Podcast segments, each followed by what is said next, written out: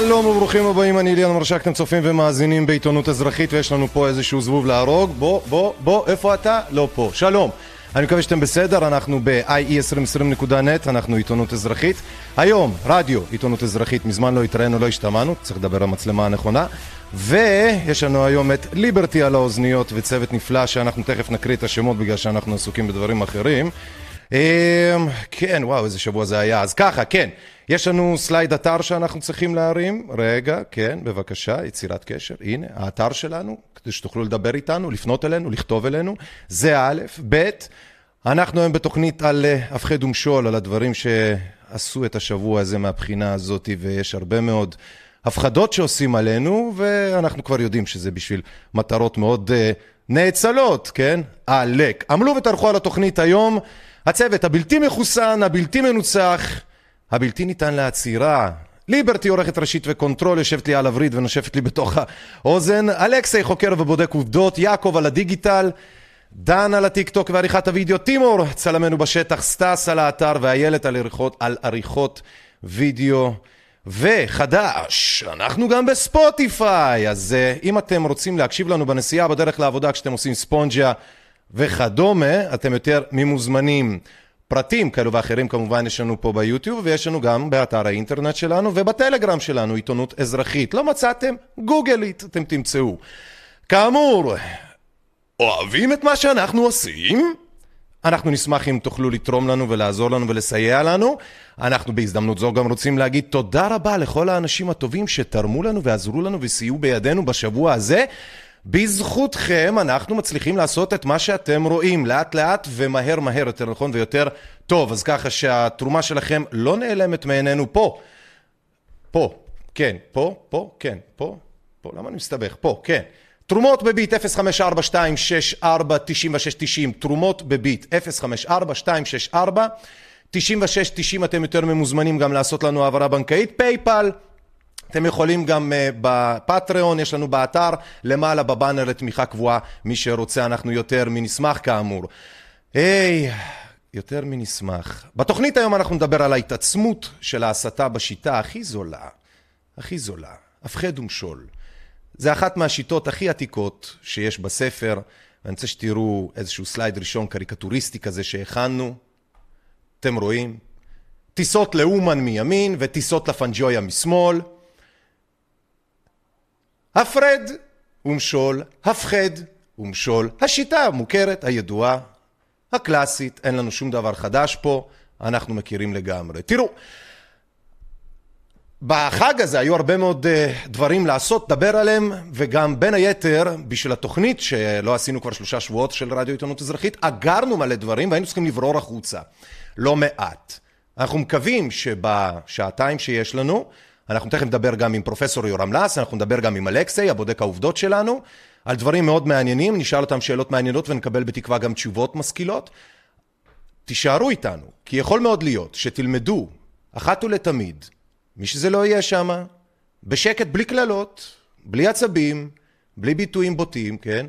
תראו אחת ולתמיד אולי, איך מפחידים אותנו כדי למשול בנו. כאמור, השיטה הקלאסית. אז uh, יש לנו, כמו בדיבור הצפוף, גם uh, מין מעברון קטן כזה, ככה, ניתן טעימה כזה, חייבים.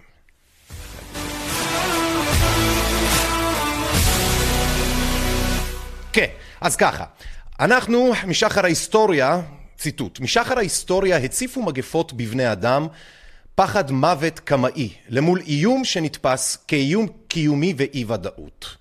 אמר זאת, uh, מי אמר זאת? דוקטור יואב יחזקאלי? כן. סרבני חיסונים בישראל חווים מציאות שבה ההגבלות המוטלות עליהם מתעצמות מיום ליום בקצב אקספוננציאלי. בנסיבות אלו נראה שהגיעה העת לומר דברים כהווייתם. החברה בישראל אינה רק מעודדת התחסנות, אלא מבקשת ופועלת לכפות חיסונים על אזרחיה. את זה אומר דוקטור דותן רוסו. במאמר בכלכליסט, כן, אגב, זה אנשים שהם לא כמוני וכמוכם, כן, אלה אנשים, אנשים בעלי מקצוע, שיש להם התמחויות כאלו ואחרות, כמו דוקטור דותן רוסו, והוא כותב ככה רק בשביל כמה שורות, כדי שאפשר יהיה להתמקד בדברים. בעת האחרונה מתקיימים דיונים ערים בשאלה האם נכון ומוצדק לכפות חיסונים על כלל האוכלוסייה. ספקטרום הדעות מגוון, אך נדמה שהנחת המוצא המשותפת למרביתם היא שנכון לעתה לא מתקיימת מדיניות של כפיית חיסונים בישראל. והוא שואל, האומנם? אנחנו יודעים את האמת, וכדי לקצר לכם את התהליך, בגלל שיש לנו הרבה מאוד על מה לדבר עליו היום, אנחנו פשוט נתקדם הלאה. ואת התשובה אתם פשוט כבר יודעים, אני, אני, אני משוכנע בזה שאתם יודעים. מה, זמן לקרוא? נקריא כמה, כמה שורות עוד. סרבני חיסונים בישראל חווים מציאות שבה ההגבלות המוטלות עליהם מתעצמות מיום ליום בקצב אקספוננציאלי.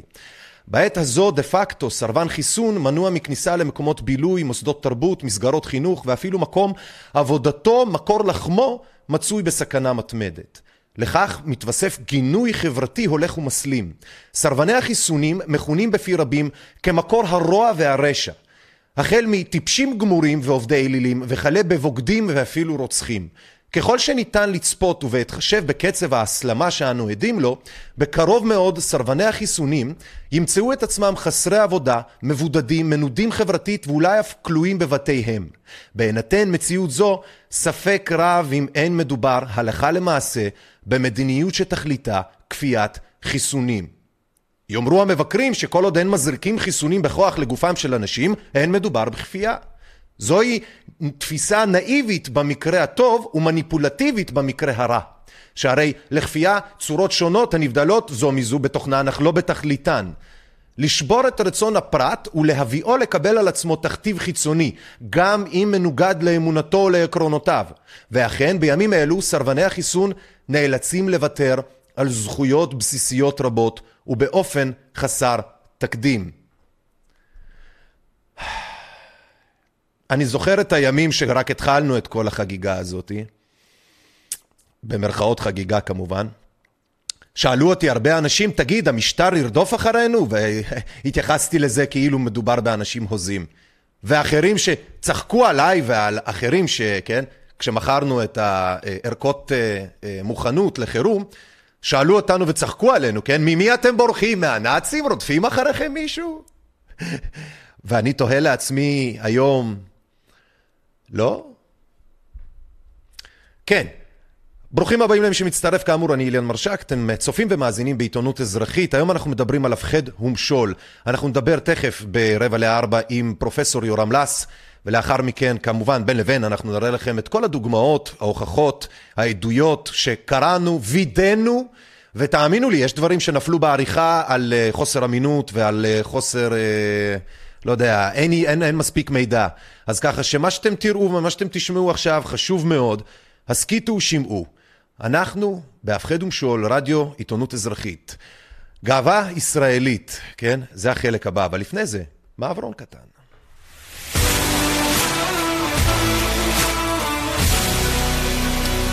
ישראל ראשונה בעולם במאומתים, זה פשוט מדהים אותי, כי כשחושבים על זה, כל ההתגאות הזאת שהייתה לנו, כל ההתגאות הזו שהייתה לנו, כן, שאנחנו נהיה האורים, אור לגויים, אור לגויים, כן.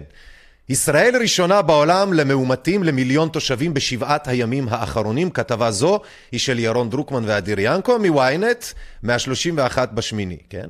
יותר מ-11 אלף נדבקים אתמול, לפי ניתוח באוניברסיטת אוקספורד. השיא במספר החיוביים לנגיף הקורונה שנשבר ביממה החולפת, הציב את ישראל בפסגה המפוקפקת. לעומת זאת, בחסות מבצע החיסונים מדורגת ישראל בעשירייה הרביעית במספר המתים למיליון תושבים. לעומת זאת, כן? גם מספר החולים במצב קשה בירידה. איזו גאווה. אני מאוד גאה. אני מאוד גאה, באמת. היופי במדינה שנותנת לך ציאניד, כן? ורק חלק מתים ממנו ולא כולם, זאת גאווה? הרוב מתים בדרך כלל. כן, סליחה. אנחנו חייבים להיות רציניים, כן? ההפחד ומשול הזה זה כדי לזרוק נתונים, זורקים עלינו נתונים כדי שתבינו, כן? בין כל הדחקות וכל הדוגמאות. זורקים עליכם ועלינו נתונים. והרבה פעמים זה כמה וכמה עיתונים במקביל, כשכל אחד זורק נתון במספרים קצת אחרים, אוקיי? פעם זה עשרה אחוז מהחולים קשה אה, או מהתמותה משויכת ללא מחוסנים, פעם זה שמונה עשר אחוזים, מה זה פעם? זה באותו היום, שני עיתונים שונים כותבים את אותה הכתבה פחות או יותר בנתונים שונים לחלוטין. כי המשחק הזה במספרים כשאנשים ברובם לא עוצרים לבדוק, הם שומעים וממשיכים הלאה, זה תופס אותם בפניות, זה תופס אותם באוטו בדרך לב וזה, כן? הם לא עוצרים עכשיו על הקלקולטור לבדוק. ובאמת זה פה תופס אותנו וגורם לנו להיבהל. כי אנחנו מאמינים, אי אפשר שיגידו דברים כאלה בלי לבדוק, הרי הם אמרו את זה, בדוק, הם בדקו את זה לפני שהם אמרו, כן? אז ישראל, באמת גאווה ישראלית, ישראל ראשונה בעולם במאומתים. גאווה מאוד, באמת מאוד, לא יודע איך לעטוף את זה אפילו, בלי, בלי ללכלך את הלשון. מקבילים ישראלים, מקבילים ישראלים בהולנד וגרמניה. אשכרה, כזאת גאווה שפשוט לא רוצים אותנו. בואו תראו איך מתגאים בחו"ל מהישראלים, כן? אירופה מתרחקת, גם הולנד ורומניה יגבילו תיירים ישראלים. הולנד ורומניה הודיעו כי יאפשרו רק לאזרחים ישראלים שיתחסנו להיכנס לשטחן. ההולנדים ידרשו בידוד של עשרה ימים או שתי בדיקות שליליות בתוך חמישה ימים, כתבתו של שמעון יאיש מ... אה, אה, איך נהיה ישראל היום, כן. אה, זה למען אלה שמאזינים לנו בהסכת. אז ככה ש... אני, אני, אני, אני לא מבין איפה לדחוף את הגאווה הזאת. קונטרול, את יכולה לעזור לי בבקשה? יש לנו מקום במחסן איפשהו לדחוף את הגאווה הזאת, כי משום מה אי אפשר לשלוח אותה לא להולנד, לא לרומניה, לאירופה גם יהיה קשה. אגב, כל כך קשה, כל כך קשה שאתם חייבים לשים לב, כן? תכף אנחנו נראה לכם, כן? ישראל סוגרת הסכמים של תו ירוק עם אירופה, ומבקשת מהאירופים לקבל רק אלו שחוסנו במנה שלישית. לאירופים אגב אין בעיה עם אלה שעשו בדיקות ואת כל הדברים האחרים, ללכת לפי התו הירוק זה נקרא, כן? אין להם בעיה, אבל את העניין של אך ורק למחוסנים, זה מה שמפנצ'ר פה את, ה, את המאמץ הישראלי להתחסנות. וההולנדי והרומנים אפס, הם פשוט, הם, הם לא יודעים איפה לדחוף את הגאווה שלנו. עכשיו גם, אה, תראו, שוודיה, באמת, אנחנו כל כך נזהרנו משוודיה, זו שבאמת לא עוברת מסך, לא סגרים, לא עושה את הדברים כמו שהעולם רצה ממנה, נפלו עליה, עשו לה נו נו נו, אמרו לנו אל תיקחו ממנה דוגמה, הם על הפנים וזה. שימו לב, אחרי פורטוגל גם שוודיה תאסור כניסת תיירים ישראלים בגלל תחלואת קורונה. הנה העולם, אני מנסה להבין. כן, הממשלה השוודית תאסור על כניסת תיירים מארצות הברית, מישראל ומעוד ארבע מדינות. שר הפנים רמז כי בעתיד המדינה תשקול להחריג תיירים מחוסנים. אולם, אמר, כי הוא חושב בעיקר על ארצות הברית ובריטניה. כתבתו של אסף עוני מגלובס. זה פשוט מדהים. שוודיה הרי כזו נוראית, זה פשוט מדהים. שוודיה הרי כזו נוראית. בואו, אני רוצה שאנחנו נראה... נתוני תחלואה משוודיה, בואו נראה את נתוני תחלואה משוודיה, כן, פשוט מאוד, Daily New Confirmed COVID-19 deaths per million, אוקיי? זה מקרים uh, מאומתים של uh, uh, תחלואה, של מקרי, סליחה, COVID-19 פר מיליון uh, אנשים. מה אתם רואים פה? ישראל מול שוודיה, כן? למרות מבצע החיסונים המאוד יפה, למרות כל הדיבורים והפקה פקה, אתם רואים שבשוודיה העקומה לא עלתה. בישראל, כן. אתם רואים את זה? ויש עוד תמונה, כמובן, כמובן, קונטרול, תודה, כמובן. ועכשיו, מה אנחנו רואים? מה אתם רואים פה? אתם רואים פה משהו? קונטרול, תעזרו לי, מה אנחנו רואים?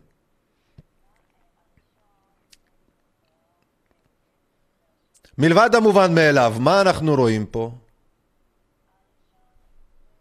זה הרי בסופו של דבר הגרפים שעליהם מבוססים או מתבססת המערכת השלטונית בישראל והאחרים, כשהם אומרים לכם שבישראל המצב הוא טוב ושיש לנו במה להתגאות, בעוד כל אידיוט מבחוץ, בגלל החיסונים, בעוד כל אידיוט מבחוץ שמסתכל על הגרפים, זה מה שהוא רואה. עכשיו, אני לא סתם שואל את, אתכם, את הקונטרול, מה אתם רואים, כן? כי צריך להיות באמת דביל כדי להאמין ולסמוך על מה שהשלטונות פה אומרים לנו, כאשר המובן מאליו מדבר אליכם. נכון, צריך לדייק, האחד הוא מוות והשני הוא תחלואה. בכל מקרה זה די ברור. אנחנו מובילים. זה די ברור. גאווה ישראלית זה חבל על הזמן. אנחנו אוהבים גאווה ישראלית, כן. איילת שקד, שקד, סוחטת זכויות אדם. היא מאוד אוהבת זכויות אדם, אני רוצה שתראו את זה. גאווה ישראלית. שירבו נוגדנינו כרימון כותבת, שירבו חיסונינו כרימון היא כותבת, והכי חשוב, איזה אב לאש, שירבו זכויותינו כרימון. זכויותינו, היא כותבת. איך אנחנו יכולים, ואני שואל ברצינות, איך אנחנו יכולים שיהיו לנו זכויות כשכדי שיהיה להם את הנוגדנים והחיסונים לפי השיטה שלהם, לפי המתודה שלהם? הם צריכים לקחת את הזכויות האלה. הרי בשביל שיהיה לנו זכויות, לשיטתם, הם צריכים לקחת לנו אותם קודם. מה זה, לתיקון הם לוקחים? מה זה, רמונט? פחחות, צבע, טיח, הטובות לטייח? מה זה הדבר הזה? זה פשוט מדהים. כן, חלפיניו חזרה לשגרה. איי, חלפיניו חזרה לשגרה. כן, אנחנו, רגע, שנייה, אני, זה, זה החלפיניו שלנו, נכון? החלפיניו, החיסון השלישי יעיל ובטוח. זה לא זה? נו, נו, בבקשה, זה למה אני שואל, זה למה אני שואל, אני פה מתבלבל. איפה? אה, חלפ... סליחה, אמת ויציב, הכל בסדר. הכל בסדר. חזרה לשגרה, אמת, סליחה. בסדר, אחר כך ניתן, כן. חזרה לשגרה. איזה יופי, אה? איזה יופי.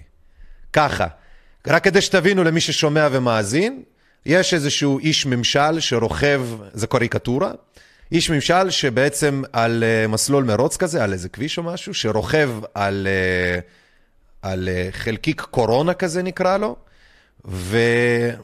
והוא רודף ואחריו בעצם uh, רץ האזרח, ואותו איש פוליטי מחזיק uh, חכה שעליה מין דלת כזאת, או מין שלט כזה שכתוב עליו חזרה לשגרה. כמו קשת בענן, כן. רגע, שנייה, נפלה לנו המצלמה, כן, נגמר לנו הסוללה. אויש, נגמרה לנו הסוללה. כן, תכף נטפל בזה. תכף נטפל בזה. כן, בקיצור, ראיתם את הדבר הזה, זה החזרה לשגרה שהם מתכננים לנו, זה, זה, זה אחד הדברים שאני הכי, הכי אוהב אותם, זה שכשהם עושים לך, הם עשו לך בחיסון הראשון, הם עשו לך את זה, בשני הם עשו לנו את זה, בשלישי הם עושים לנו את זה, וככה יהיה גם ברביעי. צריך להיות מטומטם צריך להיות אשכרה מטומטם כדי לא לראות את זה. טוב, בקיצור, כן.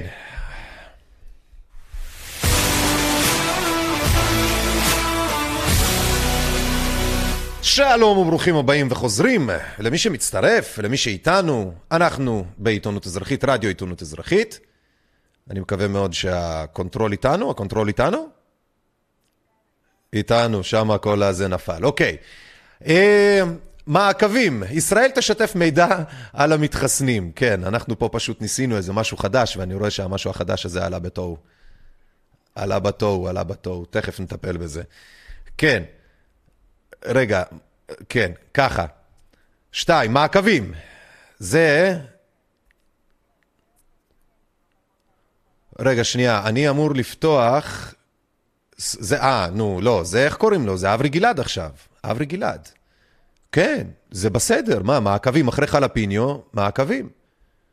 ואז ישראל תשתף מידע על המתחסנים. אה, התבלבלנו? קישור לא נכון, הבנתי, טוב, הנה, אוקיי, כן, אוקיי, הכל בסדר, אנחנו בלייב. החל מהלילה בחצות פיקוח אלקטרוני יופעל על כל המבודדים בישראל, אז ככה שאתם כבר ראיתם, שמעתם את זה, זה קרה לפני עשרה ימים. ותזכרו, אנחנו פשוט שלושה שבועות היינו בחגים וכדומה, אז אנחנו עושים פה תקציר כלשהו. החלטה דרמטית של ועדת החוקה. המשמעות היא מאות אלפי ישראלים, כולל ילדים, יאוכנו באופן קבוע במהלך תקופת חובת הבידוד שלהם. מי שיסרב למעקב, תופעל עליו אכיפה משטרתית. חברת הכנסת גבי לסקי ממרץ התנגדה למהלך והזהירה ממדרון חלקלק. היא אומרת, מי חותם על כך שלא יעשו במידע שימושים נוספים? כתבתה של יולן כהן ב-N12, פורסם ב-14 לתשיעי. ועדת החוקה, חוק ומשפט אישרה כי החל מהלילה בחצות יופעל פיקוח אלקטרוני על כלל החייבים בבידוד בישראל. השינוי המרכזי הוא הפעלת הפיקוח לא רק על השבים לישראל, אלא על כל מבודדי הבית שנחשפו לחולי קורונה. עם זאת, ההחלטה לא עברה פה אחד בוועדה.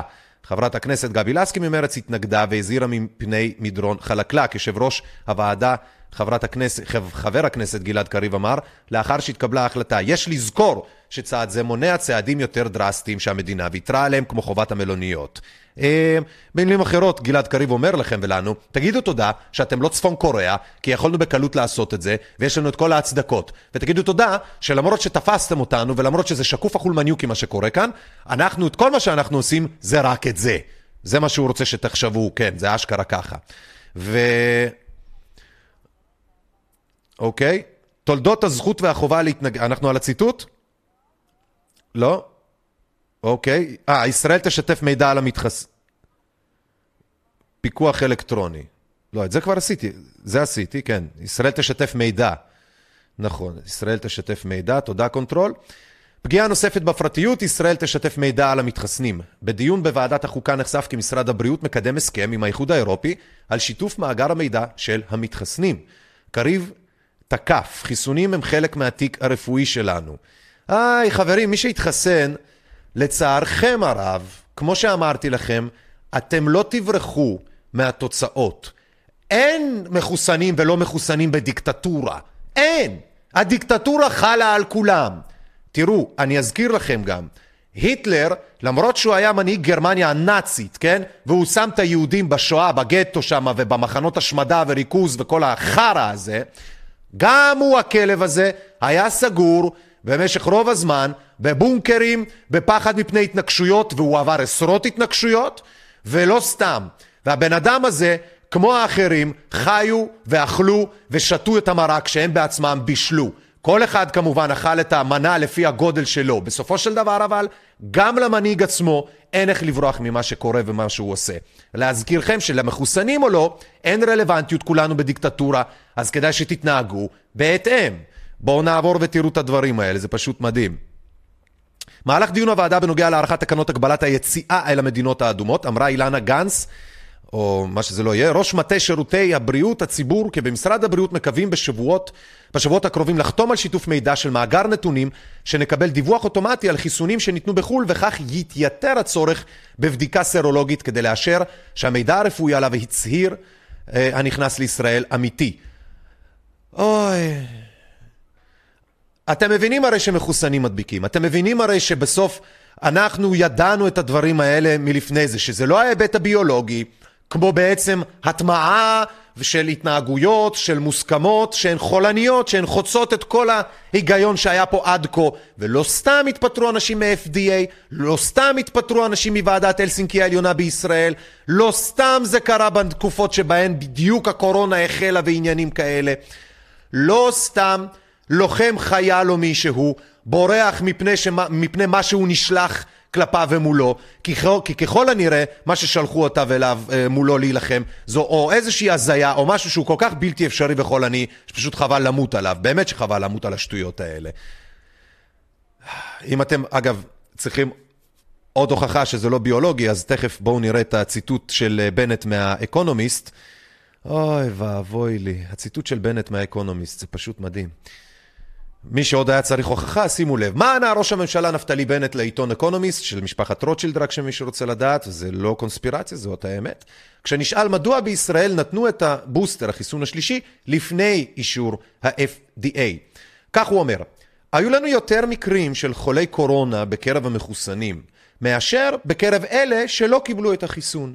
כשאנשים שמחוסנים פעמיים חולים קשה במחלה, זה פוגם באמון הציבור בחיסונים. הוא מרתיע אחרים, הוא מרתיע אחרים מלקבל את החיסון. עוד פעם, הוא בעצם אומר שכשאנשים מחוסנים, כשהדבר הזה, בעצם רואים שהעניין הזה ש, שקורה כאן הוא יותר סביב העניין של המחוסנים, כן? שמחוסנים פעמיים, כן? והם חולים במחלה, אז הוא חושש לא לבריאות שלהם, הוא חושש לאמון של הציבור בחיסונים. אני אומר לכם, בנט הוא הפך להיות הדובר שלנו, שהרי זה מה שאנחנו אמרנו ואומרים כל הזמן. ולא רק שזה לא, זה לא הספיק לו, כן? הוא אומר את זה שוב פעם. לכן כשמומחים ומרתיע אחרים מלקבל את החיסון. ולכן, כשמומחים אמרו לנו להתמקד בקבוצה, בקבוצה הקטנה של הבלתי מחוסנים טרם מתן הבוסטר, החיסון השלישי, החלטנו שהזריקה השלישית הכרחית, כדי לשמר את אמון הציבור בחיסון.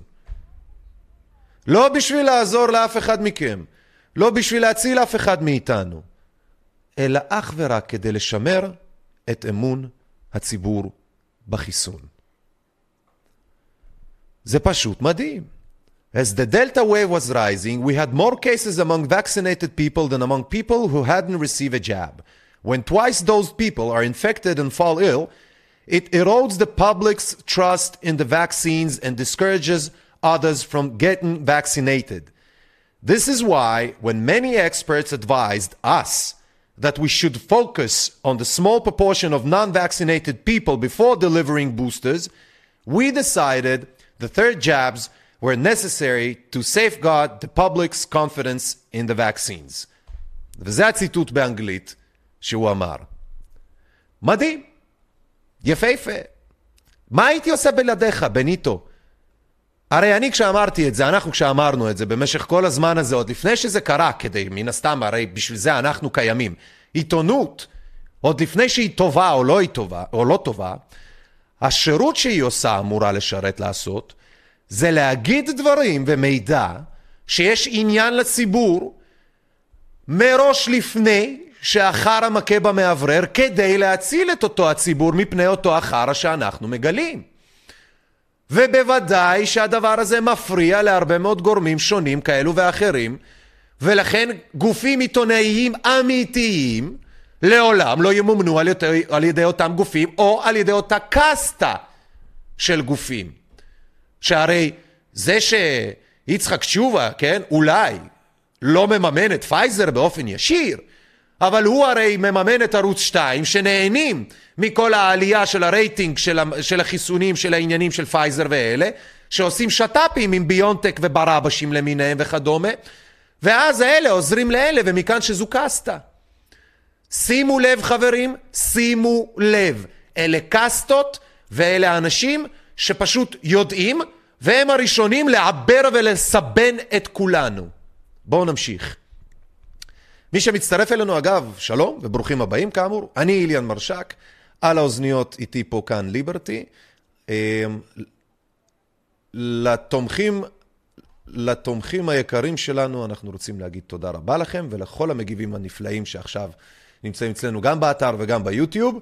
ולכל האנשים המצוינים שמוסיפים אותנו, בין אם זה בטיקטוקים, פייסבוקים, כל מיני כאלה, יירשמו כמנויים, פעמון אדום מימין למטה באתר אצלנו, ולמי שאין אה, אנדרואיד אלא רק אה, אייפון, אז יירשמו למנויים ביוטיוב, כדי שתוכלו לקבל עדכונים כשאנחנו עולים לשידור. אה, ליברטי על הצ'אט, אתם גם מוזמנים לכתוב לה כמובן במקביל. כן, בואו נשים רגע, כן, נשים רגע, נשים רגע איזשהו מעברון ונסדר רגע את המצלמה.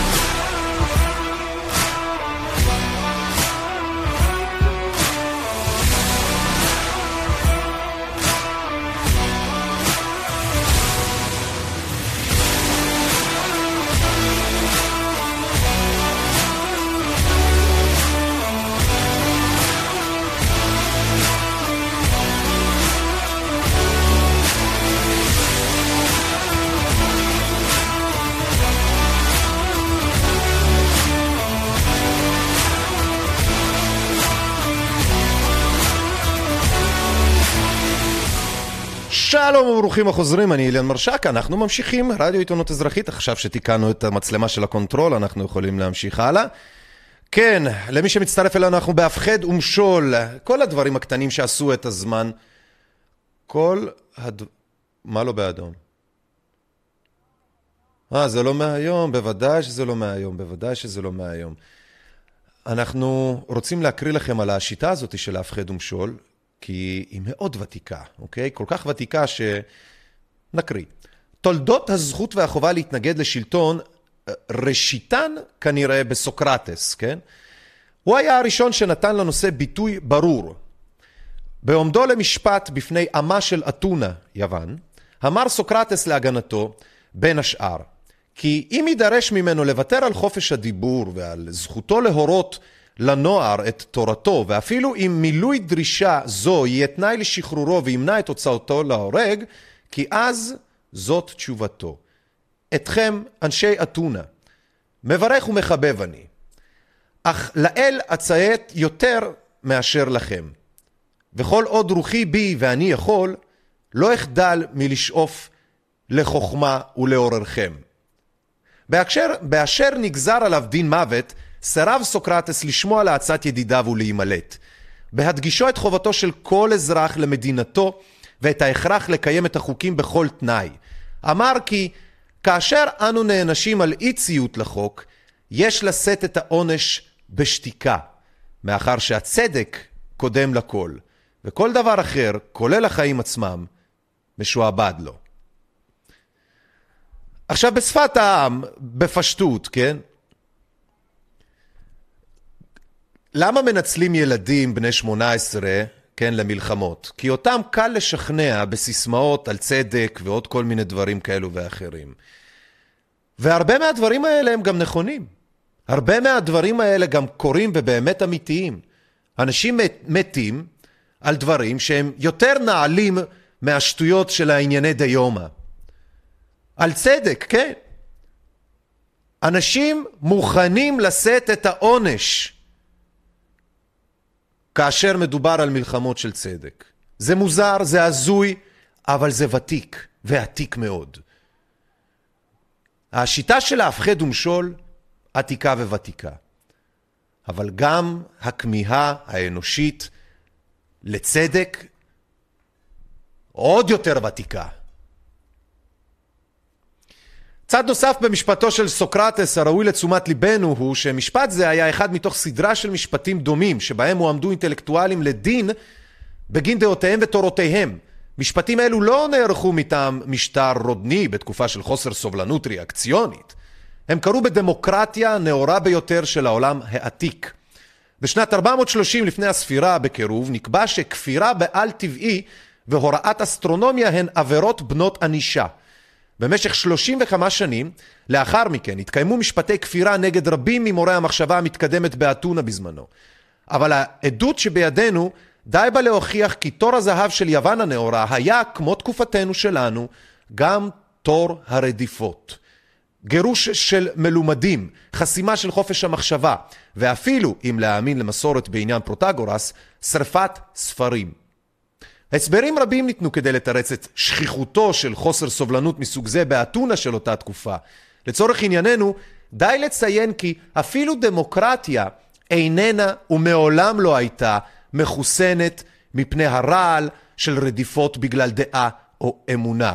וכי כאשר רעל זה פועל את פעולתו, נוטות רדיפות כאלה להתפשט כמגפה. נביאים, משוררים ופילוסופים בכל התרבויות הטיפו מאז ומעולם כי חובה לציית קודם כל לאל ולא לאדם. מקור חיים הרמן כהן, הזכות והחובה להתנגד לשלטון על דמוקרטיה וציות 1990. אוקיי, אנחנו uh, מתקרבים לראיון שלנו עם פרופסור uh, יורם לס, שהתרחש בשעה רבע. אנחנו מן הסתם uh, נרחיב שנייה על העניין של המלומדים. אבל uh, לפני זה, אני רוצה, אם תוכלו, אם תרצו, לכתוב לנו, ליצור איתנו קשר. זה הפרטים שלנו, ie2020.net, זה אתר האינטרנט שלנו, זה בגוגל תמצאו כל מה שקשור, טיק טוקים, יוטיובים, פייסבוקים, כל מיני כאלה. האימייל שלנו, info, כרוכית ie2020.net, info, שטרודל ie2020.net, ליצירת קשר. וכמובן, אם יש לכם רעיונות, אם יש לכם מידע חשוב, אם אתם אנשי יצירה, אם אתם אנשי מקצוע בתחומי המדיה, אם אתם אה, סאונדמנים, אה, אנשי מקצוע, כאמור, בכל מה שאנחנו עושים, נשמח מאוד לעזרה שלכם. אלו הם הפרטים שלנו, תכתבו לנו, תפנו אלינו, ואם תרצו לתרום לנו, כי אין לכם, אין לכם יכולת מקצועית כזו או אחרת, אבל יש לכם פרוטה בכיסכם, ותוכלו לסייע. אנחנו יותר מנשמח, זה יכול להיות מגניב וזה יעזור לנו מאוד, זה מאוד עוזר לנו, וכמובן, כמובן, כמובן, שוב פעם, תודה רבה וענקית לאנשים הטובים שתמכו ועזרו לנו אה, החודש, ובכלל, אלה שנאמנים איתנו כבר מאז שאנחנו על הרגליים. בואו אה, נמשיך, אני אומר, יש לנו עוד אה, הרבה מאוד אה, לפנינו, כן, יש לנו הרבה מאוד לפנינו. כן, יש לנו הרבה מאוד... רגע, בואו נעשה ככה, אז כן, שנייה. אז בואו נעשה רגע מעברון, למה אנחנו זה? ואז נעשה את זה כמו שצריך, נכון? נעשה מעברון, בטח.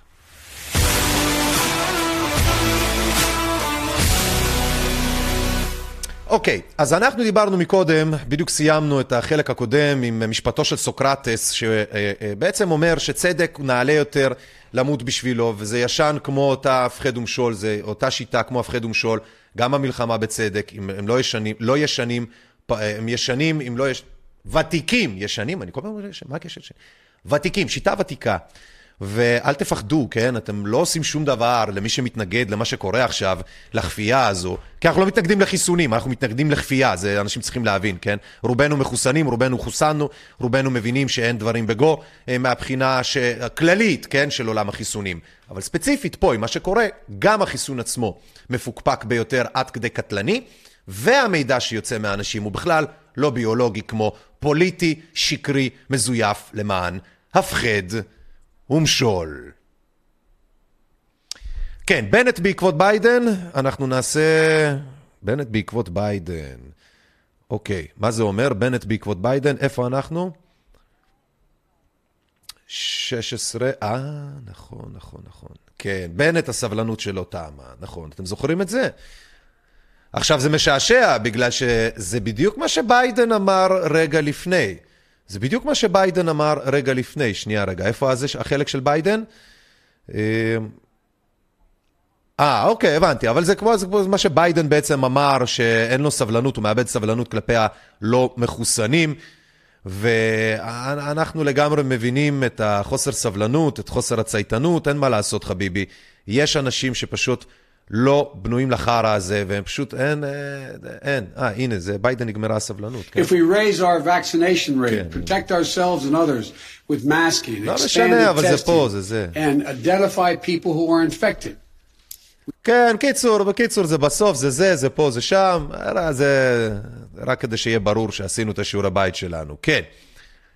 כן, מה עוד יש לנו? אה, כן, וידאו, נכון, בנט, אתם זוכרים שבנט לוחץ על ההורים? בנט עושה את ההפחד ומשול, אחד הטובים, בואו נראה. ספי עובדיה, כתבנו הפוליטי, אתה מביא הערב התבטאות אה, מעניינת של ראש הממשלה בנט לאחרונה. נכון, תמר. צריך uh, לפתוח ולהזכיר שחלק ממתווה פתיחת uh, שנת הלימודים מדבר על כך שבערים אדומות, בכיתות שבהן שיעור ההתחסנות נמוך מ-70%, בכיתות uh, של גילי 12 ומעלה, uh, הכיתות הללו לא תיפתחנה, uh, כי uh, יש uh, שיעור גבוה של לא מתחסנים. עכשיו, כדי להבין איך ההחלטה הזו נותרה על כאן, אנחנו צריכים לחזור לישיבת קבינט הקורונה האחרונה שלפני פתיחת שנת הלימודים, כי לא כל המשתתפים חשבו שזה נכון. יש מי שחשב שצריך למשל לאפשר למי שהתחסן להיכנס ולמי שלא, לא. היו עם זה בעיות משפטיות, הייעוץ המשפטי פסל את זה, גם בנט לא אהב את זה. ואז מזכ"לית הסתדרות המורים אומרת, בואו נעשה את זה שכבתי, אולי באופן הזה נוכל לפתוח יותר... יואו, הם פשוט לא מוצאים זה, הם לא מוצאים מעקף דרך הטמטום של עצמם, זה פשוט מדהים אותי. הלחץ של ראש הממשלה על ההורים לחסן את הילדים. שימו לב מה הוא אומר, עזבו, חכו, חכו לפאנץ', חכו לפאנץ'. שכבות ולאפשר ליותר תלמידים ללמוד. נפתלי בנט ראש הממשלה פוסל את הרעיון הזה, ושימי לב תמר, בואי נראה ביחד ציטוט מתוך ישיבת הקבינט, כיצד הוא מסביר את ההתנגדות שלו. לא נכון לקיים את זה באופן שכבתי, אני רוצה שההורים יריבו אחד עם השני. פשוט, אני רוצה שההורים של אלה שחיסנו את ילדיהם יפעילו לחץ על ההורים שלא חיסנו. או במילים אחרות, בתוך הכיתה יש אינטראקציה בין ההורים, יש קבוצות וואטסאפ, זה כבר תוספת שלי, זה לא ציטוט של בנט. אה, אה, באופן שכבתי יש פחות אינטראקציה. אוי ואבוי, אוי ואבוי, ספינקה, ספינקה, ספינקה. אין שכל, אין חדשות באימא שלי. אין שכל, אין חדשות באימא שלי. אנשים סתומים. רוצים לדעת מנין הטמטום שלי? חדשות 13, חוסנתם! כן, חברים יקרים, אנחנו ברדיו עיתונות אזרחית, אני אילן מרשק, ליברטי על האוזניות. יורם לס בטוויטר. איי, לגמרי. רגע, וידאו, הפיל שבחדר, ואז... רגע, אוקיי, כן, בואו נעשה איזשהו אה, מעבר ללס, ואז אנחנו נמשיך.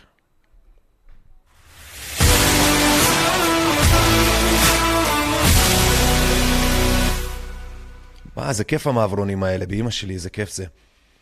בימי הביניים, וגם היום, כך אומר פרופסור יורם לס, בימי הביניים וגם היום שולטים בציבור באמצעות הפחדה.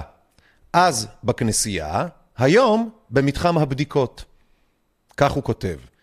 אה, למי שמאזין לדברים ולא רואה אותם, רק שתדעו שזה לא קיבל הרבה, הרבה מאוד התייחסויות באופן יחסי לידוענים אחרים בתחום, אה, ולא סתם. פרופסור יורם לס נוטים אה, להתעלם ממנו, ואני, לצערי הרב, כן, אף על פי שהוא באמת צדק ברוב הדברים, לא בהכל, ברוב הדברים, ברוב הדברים, כן, צריך לסייג, הוא לא... אנחנו, כן, נעבור לפיל שבחדר, ואז אנחנו נעלה אותו. וזה חשוב שתצפו בזה, זה מתוך ועדת ה-FDA, שדנה דנה על מתן אה, בעצם המלצה לחיסון שלישי. מה שהיה את הוויכוח של אה, ארד ניר עם השרון על רוי פרייס, מה שבגינו הרבה אנשים נבהלו ולא הלכו להתחסן עכשיו בבוסטר השלישי. אה, וטוב שכך, כן. אז בואו נראה חלק מהדבר שנעלם מהעין, כן? בעצם טקסט ותראו.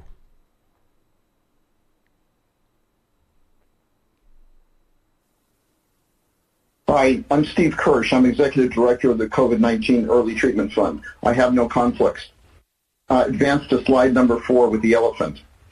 I'm going to focus my remarks today on the elephant in the room that nobody likes to talk about, that the vaccines kill more people than they save. Today we focus almost exclusively on COVID death saves and vaccine efficacy because we were led to believe that vaccines are perfectly safe. But this is simply not true. For example, there were four times as many heart attacks in the treatment group in the Pfizer six-month trial report. That wasn't bad luck. Theirs shows heart attacks happen 71 times more often following these vaccines compared to any other vaccine. In all, 20 people died who got the drug, 14 died who got the placebo. Few people notice that. If the net all-cause mortality from the vaccines is negative, vaccines, boosters, and mandates are all nonsensical.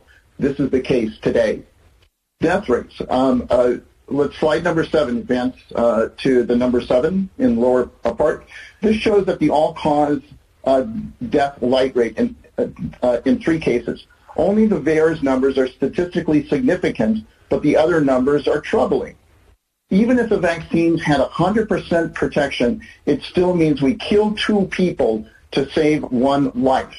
Four experts did analyses using completely different non-U.S. data sources and all of them came up with approximately the same number of excess vaccine-related deaths, about 411 deaths per million doses. That translates into 150,000 people have died. Next slide would be slide number 11, uh, the nursing home. Now, the real numbers confirm that we kill more than we save. And I, will, uh, I would love everyone to look at the Israel Ministry of Health data on the 90-plus year olds where we went to we went from a 94.4% uh, vaccinated group to 82.9% vaccinated in the last four months. In the most optimistic scenario, it means that 50% of the vaccinated people died and 0% of unvaccinated people died. Unless you can explain that to the American public, you cannot approve the boosters. Slide number 16, please. Myocarditis.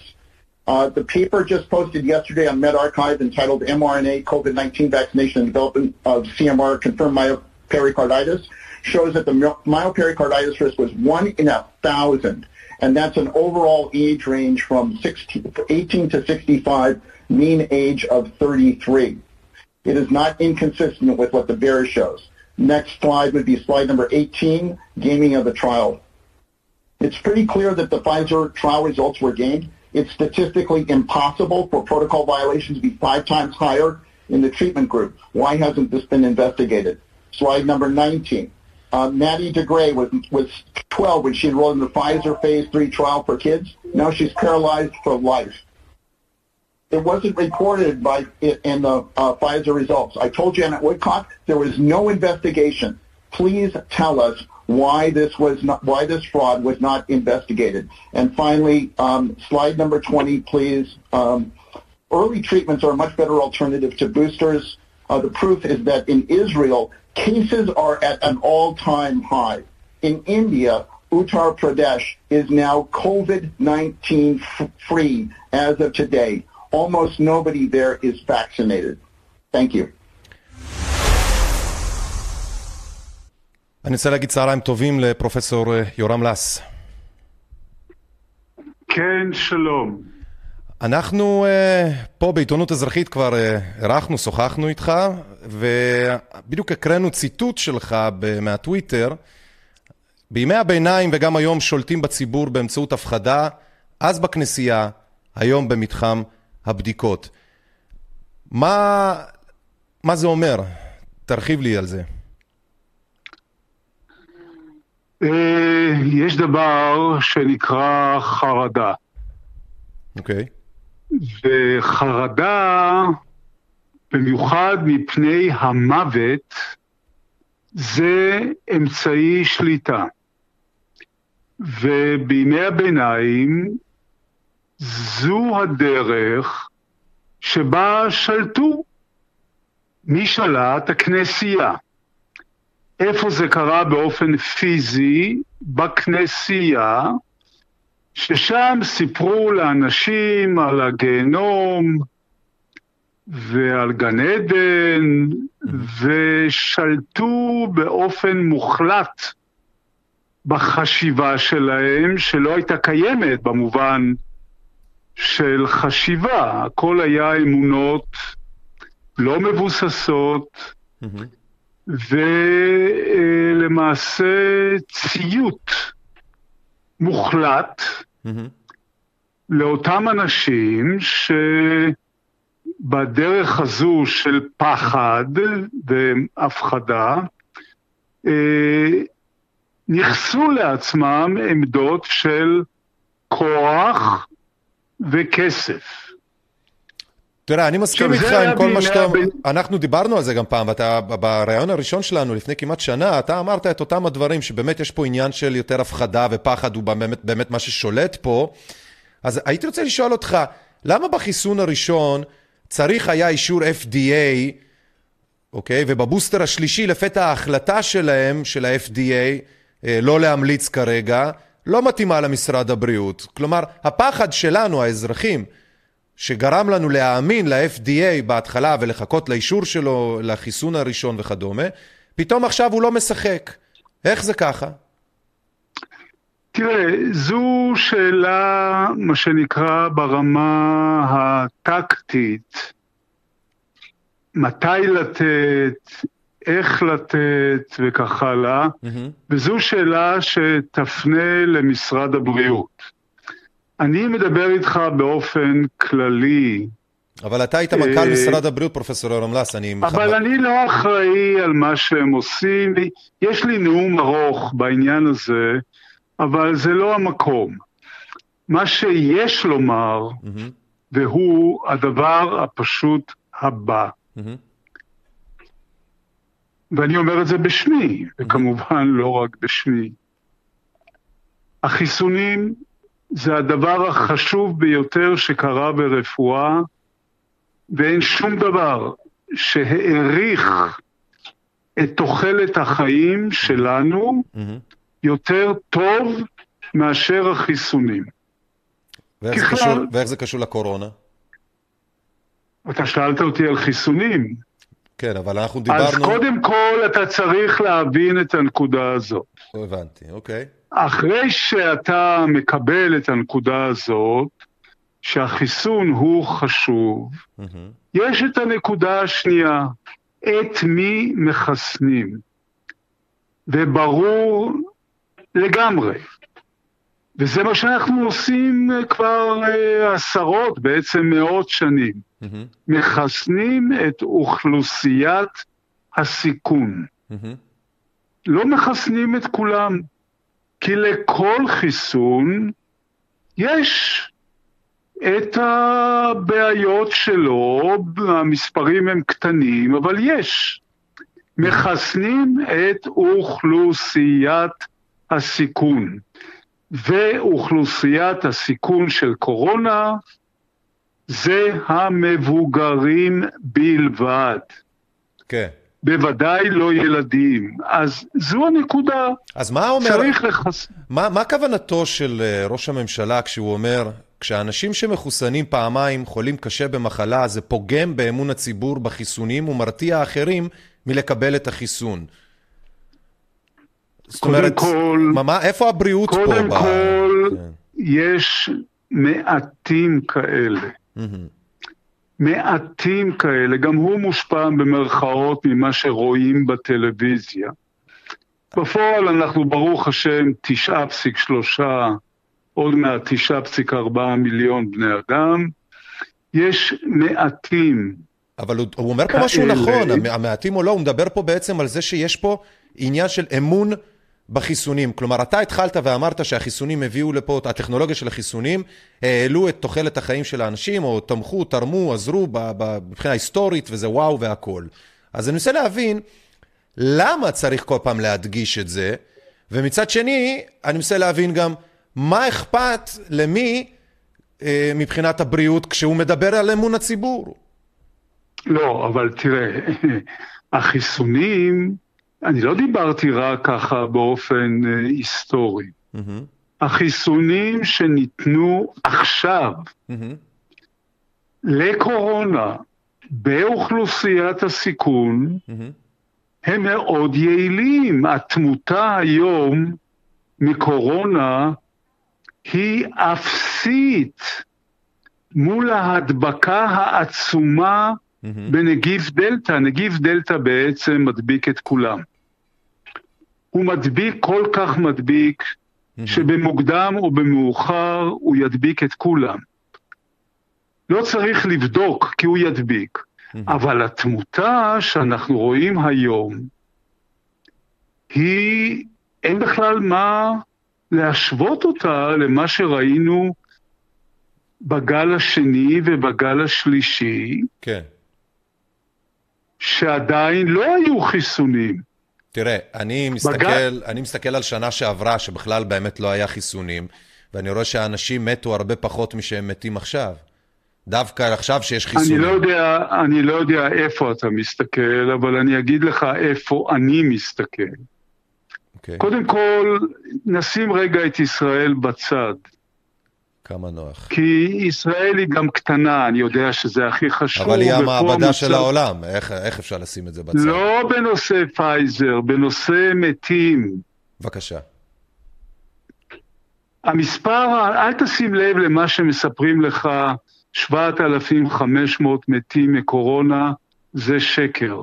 אני, זה, זה אנחנו מסכימים. זה שקר, זה שקר, בגלל, לא בגלל שהם לא מבינים פשוט או, ש, או שעושים את עצמם, מהמם, המספר היחידי זה התמותה העודפת. מהמם, אם יש מגפה והנגיף באמת הורג, כן. אז התמותה מכל הסיבות, שזה מספר שאי אפשר לשקר, כי פשוט סופרים כמה אנשים מתו, מהמם, לא חשוב בגלל מה. קוראים לזה תמותה עודפת, ואם ניקח ארצות כמו, נגיד במזרח אסיה, שאומרים ששם בכלל לא הייתה שום מגפת קורונה. כמו הודו. זה לא. מגפה של, זה לא מגפה של הגזע הצהוב, מהמם, אפס תמותה. אבל במערב אירופה ובאמריקה, זו מגפה של הגזע הלבן. מהמם, באמת, בחודש מרץ-אפריל בשנה שעברה, ואחרי זה בחודש אוקטובר, סדר גודל, שוב בשנה שעברה, מהמם. הייתה תמותה עודפת גדולה מאוד, הייתה מגפת קורונה חד משמעית, מהמם. אבל כשאני אומר גדולה מאוד, עדיין בסדר גודל של מגפות חורף. שאנחנו מכירים משנים קודמות. במילים אחרות, אבל לא, אתה, כמו שאתה כן. תמיד נוהג אה, לומר, תקן אותי אם אני טועה, זה מגפה עם יחסי ציבור. אני לא אומר את זה תמיד, אמרתי את זה פעם אחת, ומאז כל אחד שמדבר איתי אה, מדביק לי את העניין הזה. זו מגפה שלא קוראים נכון את הנתונים. אני לא מדבר במילים, המילים, יחסי ציבור וכל זה, זה לא... זה, אין לי ברירה אלא לדבר במילים, זה לא, הכלי אני, היחידי אני, שאני אני, יכול אני, לדבר. אני, אני איתך, תראה, אנחנו בתוכנית היום אבל מדברים אני על... מדבר כן. במספרים. תראה, אנחנו... לא אנחנו- ביחסי ציבור, כן. אלא במספרים. אני מנתח מספרים. ואין שום ספק, מה שניסיתי להשלים מקודם, אבל אני יודע שבמערב אירופה היום, וגם בארצות הברית, כולם נדבקו בנגיף, ויש מעט מאוד, אם בכלל, mm-hmm. תמותה עודפת. למה? אני שואל אותך, למה כולם נדבקו ויש מעט מאוד מתים אמיתיים? למה? חסינות עדר? כי יש חסינות, יש חיסונים. כן, חיסו... חיסונים או חיסוניות? כי זה חשוב על, על יש חיסון, יש חיסון שהופעל על אוכלוסיית הסיכון. שללא חיסון הייתה נפגעת קשה, אני מבין. ועכשיו היא לא נפגעת קשה. אני מבין. תראה, אנחנו בתוכנית מדברים על הפחד ומשול, על האופן שבו הצגת מספרים אה, דרמטיים גורמת לאנשים להתנהג או לפעול בצורה מסוימת. קודם ציטטנו גם את נפתלי בנט, מדבר בדיוק על זה, על האמון, על המספרים שיורדים באנשים שהולכים להתחסן.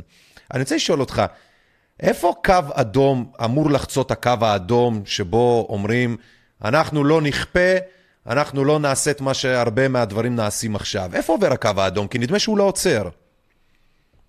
כולם לא מוכרחים להיות אתה, מוזרקים. אתה מדבר, אתה מדבר על אי ציות לחוק? לא, אני, אני שואל אותך, עכשיו שאנשים נכפה עליהם, על עובדים, כן? יש דיבור על להוציא אותם לחל"ת אה, ולראות אותם, מי שלא התחסן ולא עושה בדיקות ולא כל מיני כאלה, כאילו הוא ביקש להתפטר. מורות עכשיו יחויבו לא להגיע לבית הספר ויפוטרו באופן אוטומטי אם לא יחוסנו ולא לא ייבדקו.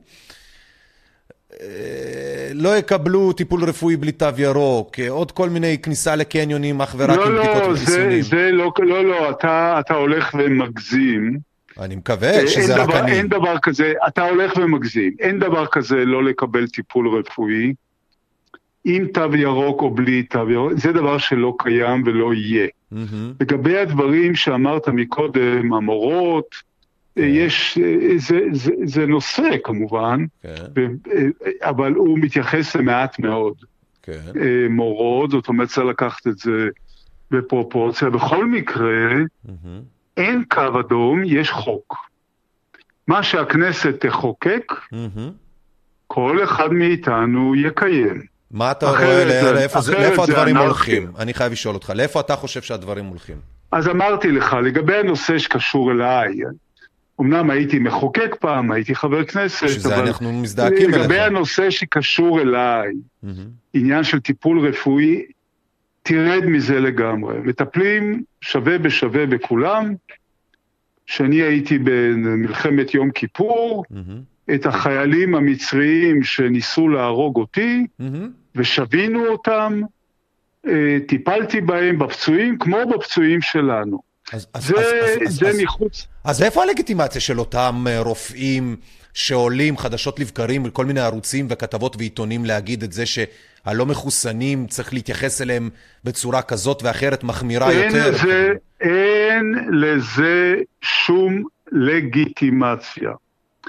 במיוחד... אז מאין ש... אבל הם שואבים את הלגיטימציה לשבת ולדבר כך בפרהסיה? מאין? באמת אני שואל. תראה, בחלקו בגלל שהם לא מכירים את המספרים. אין כמעט אנשים באוכלוסיית הסיכון mm-hmm. שלא התחסנו. Mm-hmm. שם ההתחסנות מעשית. Mm-hmm. היא לא מאה אחוז, אבל, אבל כמה שאפשר להיות קרוב למאה אחוז בכלל, mm-hmm. ברפואה, כולם התחסנו. Mm-hmm. אז שם אין בעיה, ולכן, כמו שאני אומר לך, התמותה שאנחנו רואים היום לא מתקרבת למה שהיה, הייתה, בזכות החיסונים. לגבי אנשים אחרים שהם צעירים. הם יכולים, מותר להם להגיד לצעירים, אני לא, אני לא מסתכן בכלל. מפני שהקורונה זה מחלה של זקנים. ואז באים ואומרים לו, כן, כן, הילדים, הילדים הרי בכלל, הם, הם כלום, אין שום כן. קורונה שם. כן. אז אבל אומרים, כן, אבל הם מדביקים את סבא וסבתא, בסדר, אבל סבא וסבתא מחוסנים, אמת. סבא וסבתא מוגנים, אז מה אתם רוצים מהילדים? שהרי בשביל זה התחסנתם. כן, כן. אז, אז uh, הדגש הוא שאוכלוסיית הסיכון מוגנת בעצם כולה, אין שם אף אחד שלא מוכן להתחסן. אז בוא אני אשאל אותך שאלה אחת אחרונה, כי אנחנו צריכים לסיים, ושאלה כן. מאוד חשובה. מה הוולידציה הרפואית, אם יש כזו בכלל, לתו ירוק? האם ניצן הורוביץ, שר הבריאות, אמר אמת כשהוא אמר שהתו הירוק הוא לא באמת בא לעשות פה, לא להוריד הדבקה ולא כלום, אלא אך ורק לזרז שאנשים יתחסנו. סנקציה.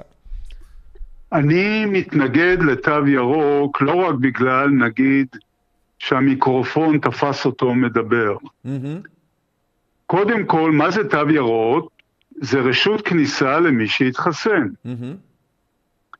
אבל מי שהתחסן הוא מוגן מפני מחלה קשה ומוות, זה נכון, זה חשוב, זה הסיבה שהוא התחסן, אבל מי שהתחסן לא מוגן מפני הדבקה. ואז מה זה אומר? שמי שהתחסן, יש לו רשות כניסה, אבל הוא יכול להידבק וגם יכול להדביק. כן. אז מה הטעם בכל התו הירוק הזה?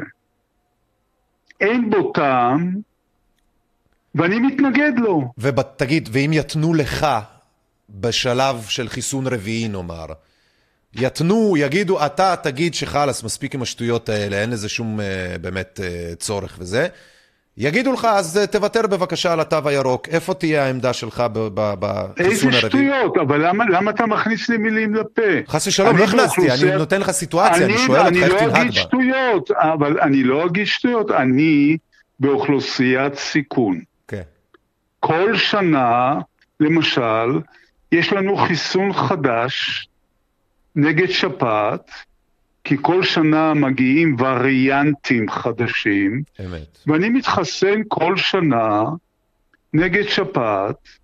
התחסנתי בתור אחד שבאוכלוסיית הסיכון, התחסנתי נגד קורונה. ומה שאתה קורא חיסון רביעי, מה שהוא באמת צריך להיות, וזה עוד ייקח זמן, הוא צריך להיות מעודכן. כמו שאנחנו מעדכנים את חיסון השפעת את הסמארטפון. ל- לזנים החדשים. אז החיסון הרביעי, שיעשו אותו, כן, צריך להיות מעודכן לזנים החדשים, ולא צריכה להיות בעיה פעם בשנה, נגיד, מהמם. כמו שאנחנו מתחסנים לשפעת, להתחסן גם לקורונה. אתה יודע, הלוואי וזה יהיה כזה, כמו שבאינטונציה המאוד נינוחה והשגרתית שאתה אומר, הלוואי שזאת תהיה המציאות שלנו, בלי כל הדברים מסביב. פרופסור יורם לס, אני רוצה להודות לך על הרעיון הזה, ושנשתמע בהקדם, בריאים ושלמים. תודה רבה לך. תודה רבה, כל טוב. ביי.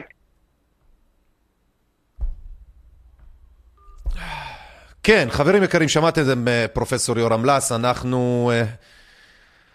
אה, אנחנו מיד נמשיך עם המספרים והנתונים שלא מתיישבים בדיוק עם מה שהוא אומר, אבל אה, לפני זה מעברון קצר.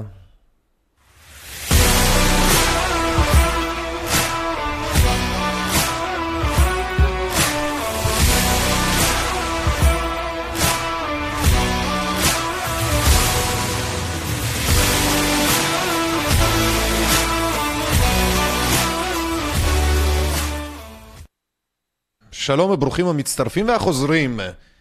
אנחנו דיברנו כרגע עם אה, פרופסור יורם לס. כן, אנחנו, עוד פעם, אנחנו יודעים, מה לא שומעים? מה לא שומעים? אני שומע מצוין. לא שומעים? שומעים? יש דיליי? תגידו לי אם שומעים. אוקיי. אנחנו מדברים על סערת ה-FDA. אל תמהרו לשבח את ה-FDA, וזה חשוב מאוד. זה חשוב מאוד, לא, לא שומעים בקונטרול. הקונטרול, בעיה שלך, תפתור את זה רגע, תפתרו את זה, כן? קונטרול? יופי. סערת ה-FDA, אל תמהרו לשבח את ה-FDA, זה משהו שחשוב שאתם עכשיו תקשיבו, תקשיבו לי טוב. הרבה אנשים אמרו, מה פתאום אתם מקשיבים ל-FDA, אכפת לכם אם הם נתנו אישור או לא נתנו אישור לבוסטר השלישי המלצה, או לא נתנו המלצה, או מה הם המליצו וזה. בפשטות. אנחנו הרי אמרנו, כן? שה-FDA מחרטט עם כל העניין של היתר חירום, אישור חירום, קשקושים הרי שיקרו אותנו ומרחו אותנו ובכוונה. אתם, כן? חסידי כת הפייזרים, התעקשתם שיש אישור שאנחנו מחרטטים, ואנחנו אומרים, אבל אין חיה כזאתי. זאת אומרת, מי שאתם משתמשים בו ככלי, לא רק ששיקרתם בפעם הראשונה עם החיסונים הראשונים בנוגע להיתר או לאישור, אלא גם בתוך השקר של עצמכם הם לא זורמים איתכם. עיינו ערך אלרועי פרייס וכדומה. קונטרול שומעים? קונטרול שומעים? קונטרול לא שומעים. לא לחצתי על שום דבר.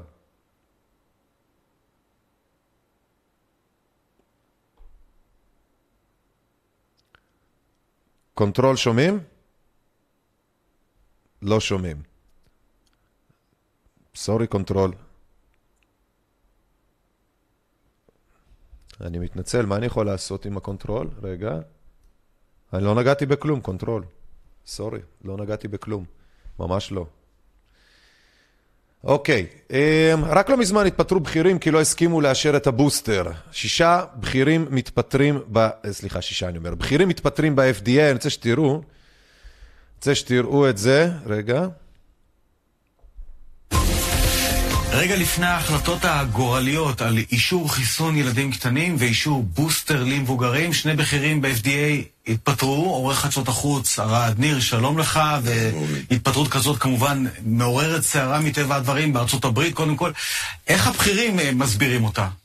קודם כל צריך להבין מי הם הבכירים האלה, זה לא סתם בכירים ב-FDA, מדובר במי שעומדת בראש המחלקה לרישוי ובחינה של חיסונים בארגון הזה, ובסגן שלה.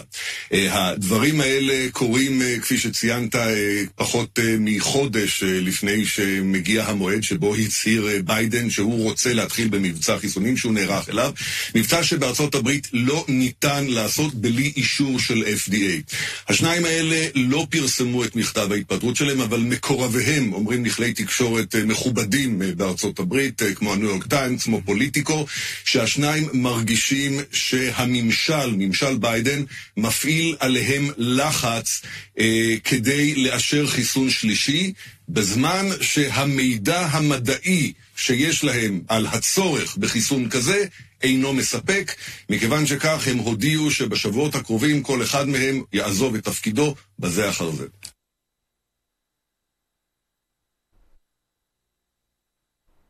מה שמדהים זה שלמרות מה שפרופסור יורם לס אומר, מרגיש לי, אתם יודעים מה טיפה אני חייב לומר, חלילה מבלי לגרוע מכבודו או מכבוד אף אחד אחר. מרגיש לי שכל המידע הזה שאנחנו רואים, החדשות, הערד נירים, בין השורות האלה שאנחנו קוראים ורואים, זה מרגיש כאילו אנחנו היחידים שרואים את זה. זאת אומרת, הרי אם כל הדברים הם בסוף פרשנות של אחד ועוד אחד, שניתן להפוך באלף וריאציות והתשובה לא באמת חשובה, או שהיא סובייקטיבית, אז כאילו אין לנו יותר, אין לנו, הם כאילו בכוונה עשו ככה, שלא משנה מה יקרה, אנחנו נסתובב סביב עצמנו, סביב הפלונטר של הזנב של עצמנו במספרים, בלבדוק ובזה, בינתיים הם גונבים אותנו. כמה עובדות, כמה שידורים, מה עוד צריך בן אדם לעשות כדי להביא את השורה התחתונה הברורה מאליה? כשישבתי עם לס בהתחלה, בהתחלה, לפני שנה, בריאיון אצלו בבית שצילמנו, ואמרתי לו, תגיד, אולי כל מה שהם עושים פה זה במזיד, זה בכוונה, זה, זה, זה, יעני, לא באמת לטובתנו. הוא אמר שהוא לא מאמין. וגם עכשיו, הוא לא מוכן להגיד את הדברים בצורה שתישמע, לא עלינו, קונספירטיבית. בעוד, למרבה האבסורד, זה בדיוק ככה מתייחסים אל מה שהוא אומר כשהוא הולך לחדשות ולמקומות האלה. כל התשובות מולנו. ה-FDA שסמכתם עליו וסומכים עליו כל כך, מתפטרים אצלו בתוכו האנשים, כן? ולא משנה מה אנחנו אומרים, זה איך הם מתנהגים. זה אותו גוף הרי שהסתיר מאיתנו את תופעות הלוואי של החיסון. בפגישה של ה-FDA מה-22 באוקטובר 2020 נחשפה לחצי שנייה בלבד רשימת תופעות הלוואי של החיסון. כנראה בטעות. בואו תראו איך הם מגלגלים את זה מהר, שלא נראה. Um, in our rapid cycle analyses, but it gives you a feel for the types of events. I'm sorry, this is slide 17. Um, FDA's experience with near real-time surveillance. So we have considerable experience doing near real-time surveillance. So we've conducted um, surveillance for the annual influenza vaccine and Guillain-Barré syndrome since 2007. Um, and then we're supporting confirmation of some of CDC's work with their rapid cycle analysis of safety. And we've done that in the past with the seasonal influenza vaccine work that they've done in Shingrix um, vaccine as examples. Um, we've also done rapid cycle analysis type work. אוקיי, קונטרול. בוא, קונטרול, איפה זה בבקשה? אנחנו יוצאים מטומטמים פה לגמרי, איפה זה? לא מטומ... אוקיי, עוד הפעם. זה פשוט נורא מהיר, אני מתנצל. Um, in our rap.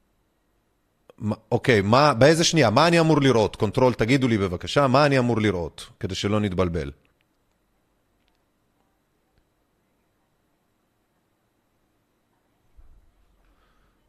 סקרינשוט בתיקייה. אז למה אני בכלל מחפש? את מי זה מעניין? איפה הסקרינשוט הזה? איפה הסקרינשוט הזה? סקרינשוט? איפה? שבע. שבע. אה, תודה רבה באמת. אוקיי, זה הסקרינשוט. מה אנחנו רואים? FDA Safety Surveillance of COVID Vaccines, Draft Working List of Possible Adverse Event Outcomes Subject to Change. בקיצור, אלה, מה אנחנו רואים פה? בעצם זה התופעות לוואי, שהם ידעו, שהם ידעו על התופעות לוואי החמורות האלה לפני שהם אישרו את החיסון. אוקיי. אה, נכון, שהם גלגלו את זה מהר מאוד במצגת כדי שכאילו לא יראו את זה, כן. זה, זה מה שניסינו להראות לכם בווידאו, אבל זה באמת בגלל שזה היה כל כך מהיר, אז זה, זה בעצם גם למה לא הצלחנו בעצמנו, בקושי אנחנו מצאנו את זה. לתפוס את זה, כן. אוקיי, אנחנו פה מתעכבים, כן. ברוכים הבאים למי שמצטרף, אני איליאן מרשק, ליברטי על האוזניות. אנחנו מסבירים לכם היום את כל השיטת ההפחד ומשול הזאת ואת כל המידע הלא אמין הזה שאתם בעצם רואים. ושומעים. אז uh, אנחנו עוברים על כל המידע הזה. Uh, הנה רשימה מלאה שהם לא רצו שנראה, אבל הם ידעו עוד מההתחלה בדיוק מה היו תופעות הלוואי. מה שהראינו לכם, זה אותו גוף שאישר את החיסון המסוכן הזה, ובעצם החיסון של ה-FDA, כמו שאמרתם, כן, אמרו לנו, שה-FDA בארצות הברית העניק אישור מלא לחיסון נגד הקורונה של הפייזר. זאת אומרת, החשיבות של, ה, של האנשים שיש, חיסור, שיש אישור, שיהיה אישור, נחכה לאישור, הוא בטוח יהיה אישור, כן? הם יאשרו את זה. כל כך היה להם חשוב. והנה, הוא לא אישר, ולמרות זאת, יאללה שלא, שטויות, נעשה בוסטר. רק בא ללמדכם שזה לא עוקב אחרי האמינות של הגוף הזה או לא, זה לא חשוב להם, מה שחשוב להם זה רק דבר אחד, זה לעשות לכם את זה למה יש לי, אה, זה ריבר? כן. זה פשוט לעשות לכם מה שנקרא הפחד ומשול, לעשות לכם מצד אחד, הם בחדרים שלהם מדברים את המידע האמיתי, כן? ואז לציבור הם מפרסמים שטויות. כמו שקרה עם ה-FDA ושרון אלרועי פרייס. הם לא המליצו, תפסו אותם בשושבנה שהמידע של הישראלים הוא פח אשפה. אלה שלא האמינו למשמע אוזנם שאשכרה זה מה שהם יקבלו ב-FDA מול קהל עם ועולם, חזרו לטלוויזיה ואמרו בטלוויזיה, לא, לא, הם המליצו מעל 65 את הבוסטר. אוי ואבוי, בית ספר לתקשורת הם צריכים בחיי. כן, בואו נמשיך. מה עוד מתכנן לנו הגוף הנפלא הזה? פייזר, תוצאות חיוביות לניסוי החיסון נגד קורונה בילדים בני 5 עד 11. כן. הנה חזר לנו, ה... איך זה נקרא? אה, כן, בוודאי, כל עוד זה יעבוד. יעבוד, אוקיי, כן. רק להראות כותרת, כוס רבקום הערסים, הזבובים המזדיינים האלה. זה יכול להוציא אותי עם שיגעון יותר מכל דבר אחר. בוא, איפה אתה? בוא. תן לך בראש, בוא. פייזר, תוצאות חיוביות לניסוי החיסון נגד קורונה בילדים בני 5 עד 11, כ-40% מהמאומ... מהמאומתים אתמול מהחברה הערבית. אוח, הם אוהבים את זה, נכון? הם אוהבים חרבן על כל הקאסטות שהם לא היא, שהיא לא הם, כן. אל תקרא, בוא נתקדם. בסדר, בוא נתקדם, לא קראתי. נקסט, מה זה הקישור הזה? חלפיניו נעשה? החיסון השלישי יעיל ובטוח. איזה בטוח החיסון שלהם, שימו לב, מצד אחד, זה שרון אלרועי פרייס, זה שרון אלרועי פרייס, מה שאתם רואים פה. כן, צד אחד עומדת ואומרת החיסון השלישי יעיל ובטוח, מצד שני, מאחורי הגב, למצלמה כמובן, 12 הפחדות, ומאחורי הגב, בקשיש וכספים ושלמונים מפייזר, וזה רק לשלישי מתוך האלוהים יודע כמה שיש. זה, זו קריקטורה של חלפיניו, ואנחנו אוהבים את חלפיניו. פחות את החלפיניו עצמו, אבל... כן, אז התקשורת, סליחה, אז התקשרנו למשרד להיסטריית פנים, דודו ומאמה, כפרה עליהם. בואו נשמע.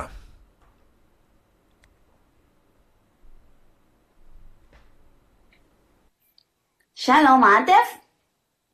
מדברת שמרית חכם מהמשרד להיסטריית פנים, כיף חלק. אלחמדולילה. תגיד לי, אני צריכה ממך טובה, ממי. מורידים פה את המסכות, אנחנו צריכים איום מסוג אחר. חשבנו להחזיר את העיר מעזה. כן, בוודאי לייצב את החרדה בארץ. תחזרו לבלוני ההליום, אבל אנחנו צריכים גם טילים, רקטות. מה שיש לכם. אני מבינה שזה זמנים אחרים, אבל בוא נחזור לנורמלי הישן. עטף, אם לא בשבילי אז בשביל צה"ל. מה זה אתה לא יכול? פתחת חומוסייה? נו, וזה יותר רווחי מטרור? וואלה, חבל. אני מארגנת לך העברה ישירה בביט מההוא, כן. זה סכום שחבל על הזמן מן זמן. הבנתי. יאללה, طيب, طيب. יאללה. الله معك. رمضان مبارك. ביי. שלום, יא סעוד. מה קורה, מאמי? זאת שמרית חכם. תגיד לי, יש מצב אתם מרססים יותר את השמיים? כן, יותר ריסוסים, שיהיה אובך, כן. מה נגיד הסיכוי שתארגן לי ריסוס שעושה רעמים באמצע מים? כן, להכניס ככה להיסטריה של משבר האקלים. לא, נשמה, כאב ראש במזג האוויר זה לא נחשב. גשם חומצי? כן. כן. אבל אל תרסס לנו דרדלים.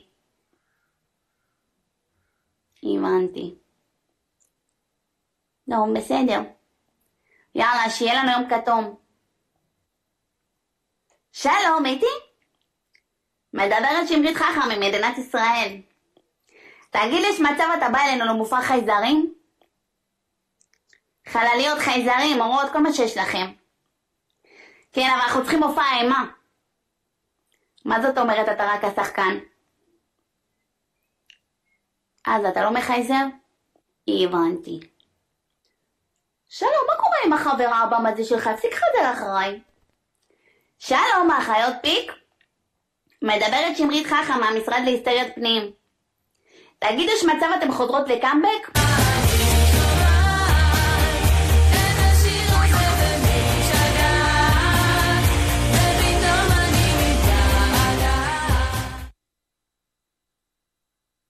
כל הכבוד, כל הכבוד. דודו ומאמה, המשרד להיסטריית פנים. ברוח זו אני רוצה לקבל, ברוח זו, אני רוצה לקבל, אני רוצה לקבל לשידור את uh, אלכסיי, ויש לנו פה פתיח שהכנו, ואנחנו חייבים להקריא אותו. אלכסיי קיבל רק ציון 100 בחמש יחידות מתמטיקה ומחשבים. השתתף בתחרות ערים במתמטיקה והגיע לעשירייה המובילה מישראל בתחרות התכנות הגדולה ביותר מתוך עשרות אלפי משתתפים מכל העולם.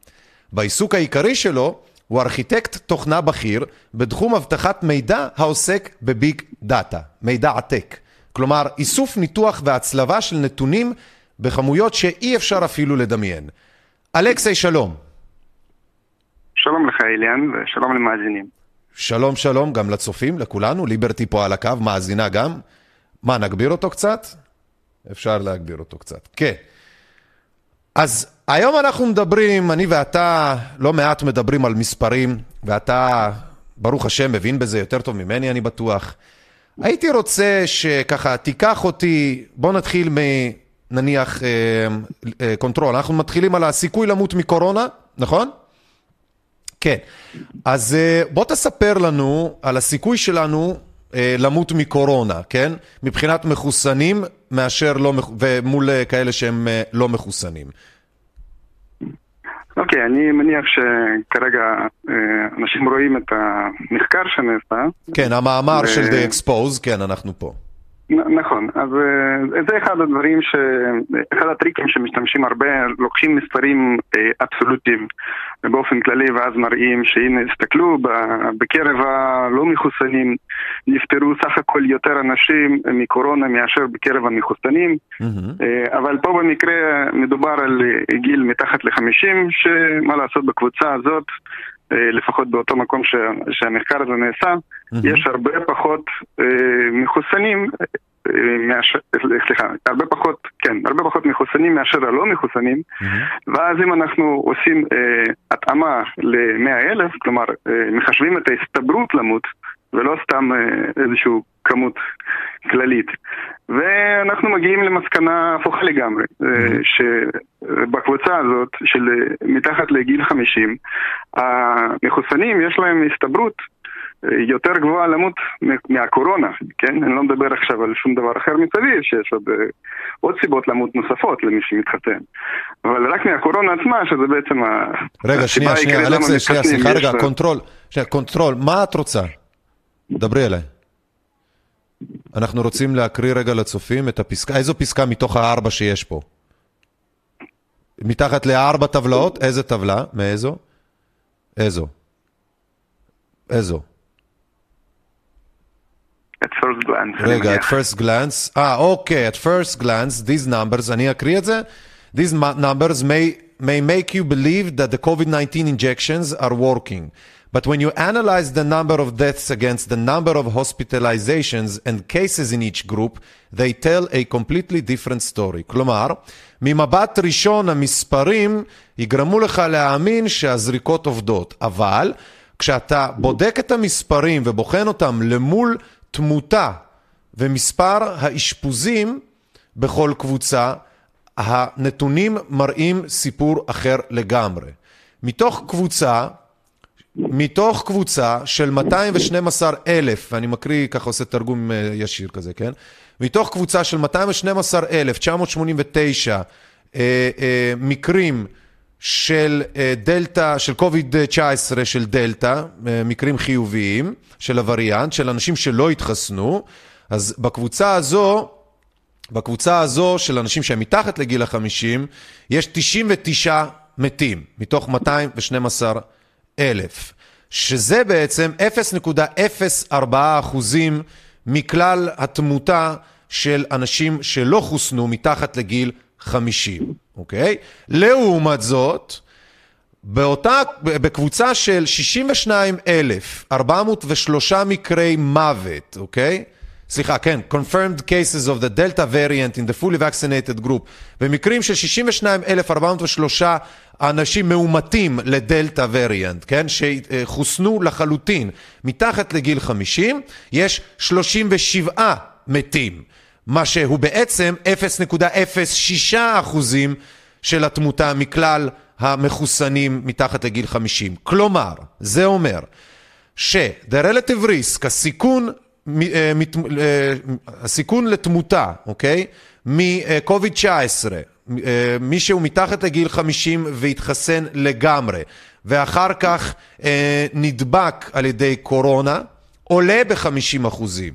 לא ב-95, זה לא, ההגנה, סליחה, זה הפולי ואקסן, כן, 50 אחוזים, לא 95 אחוזים כמו שאמרו כמו שהבטיחו לנו, היצרנים והממשלות והמדענים ש- it employs, שהם כאילו מעסיקים.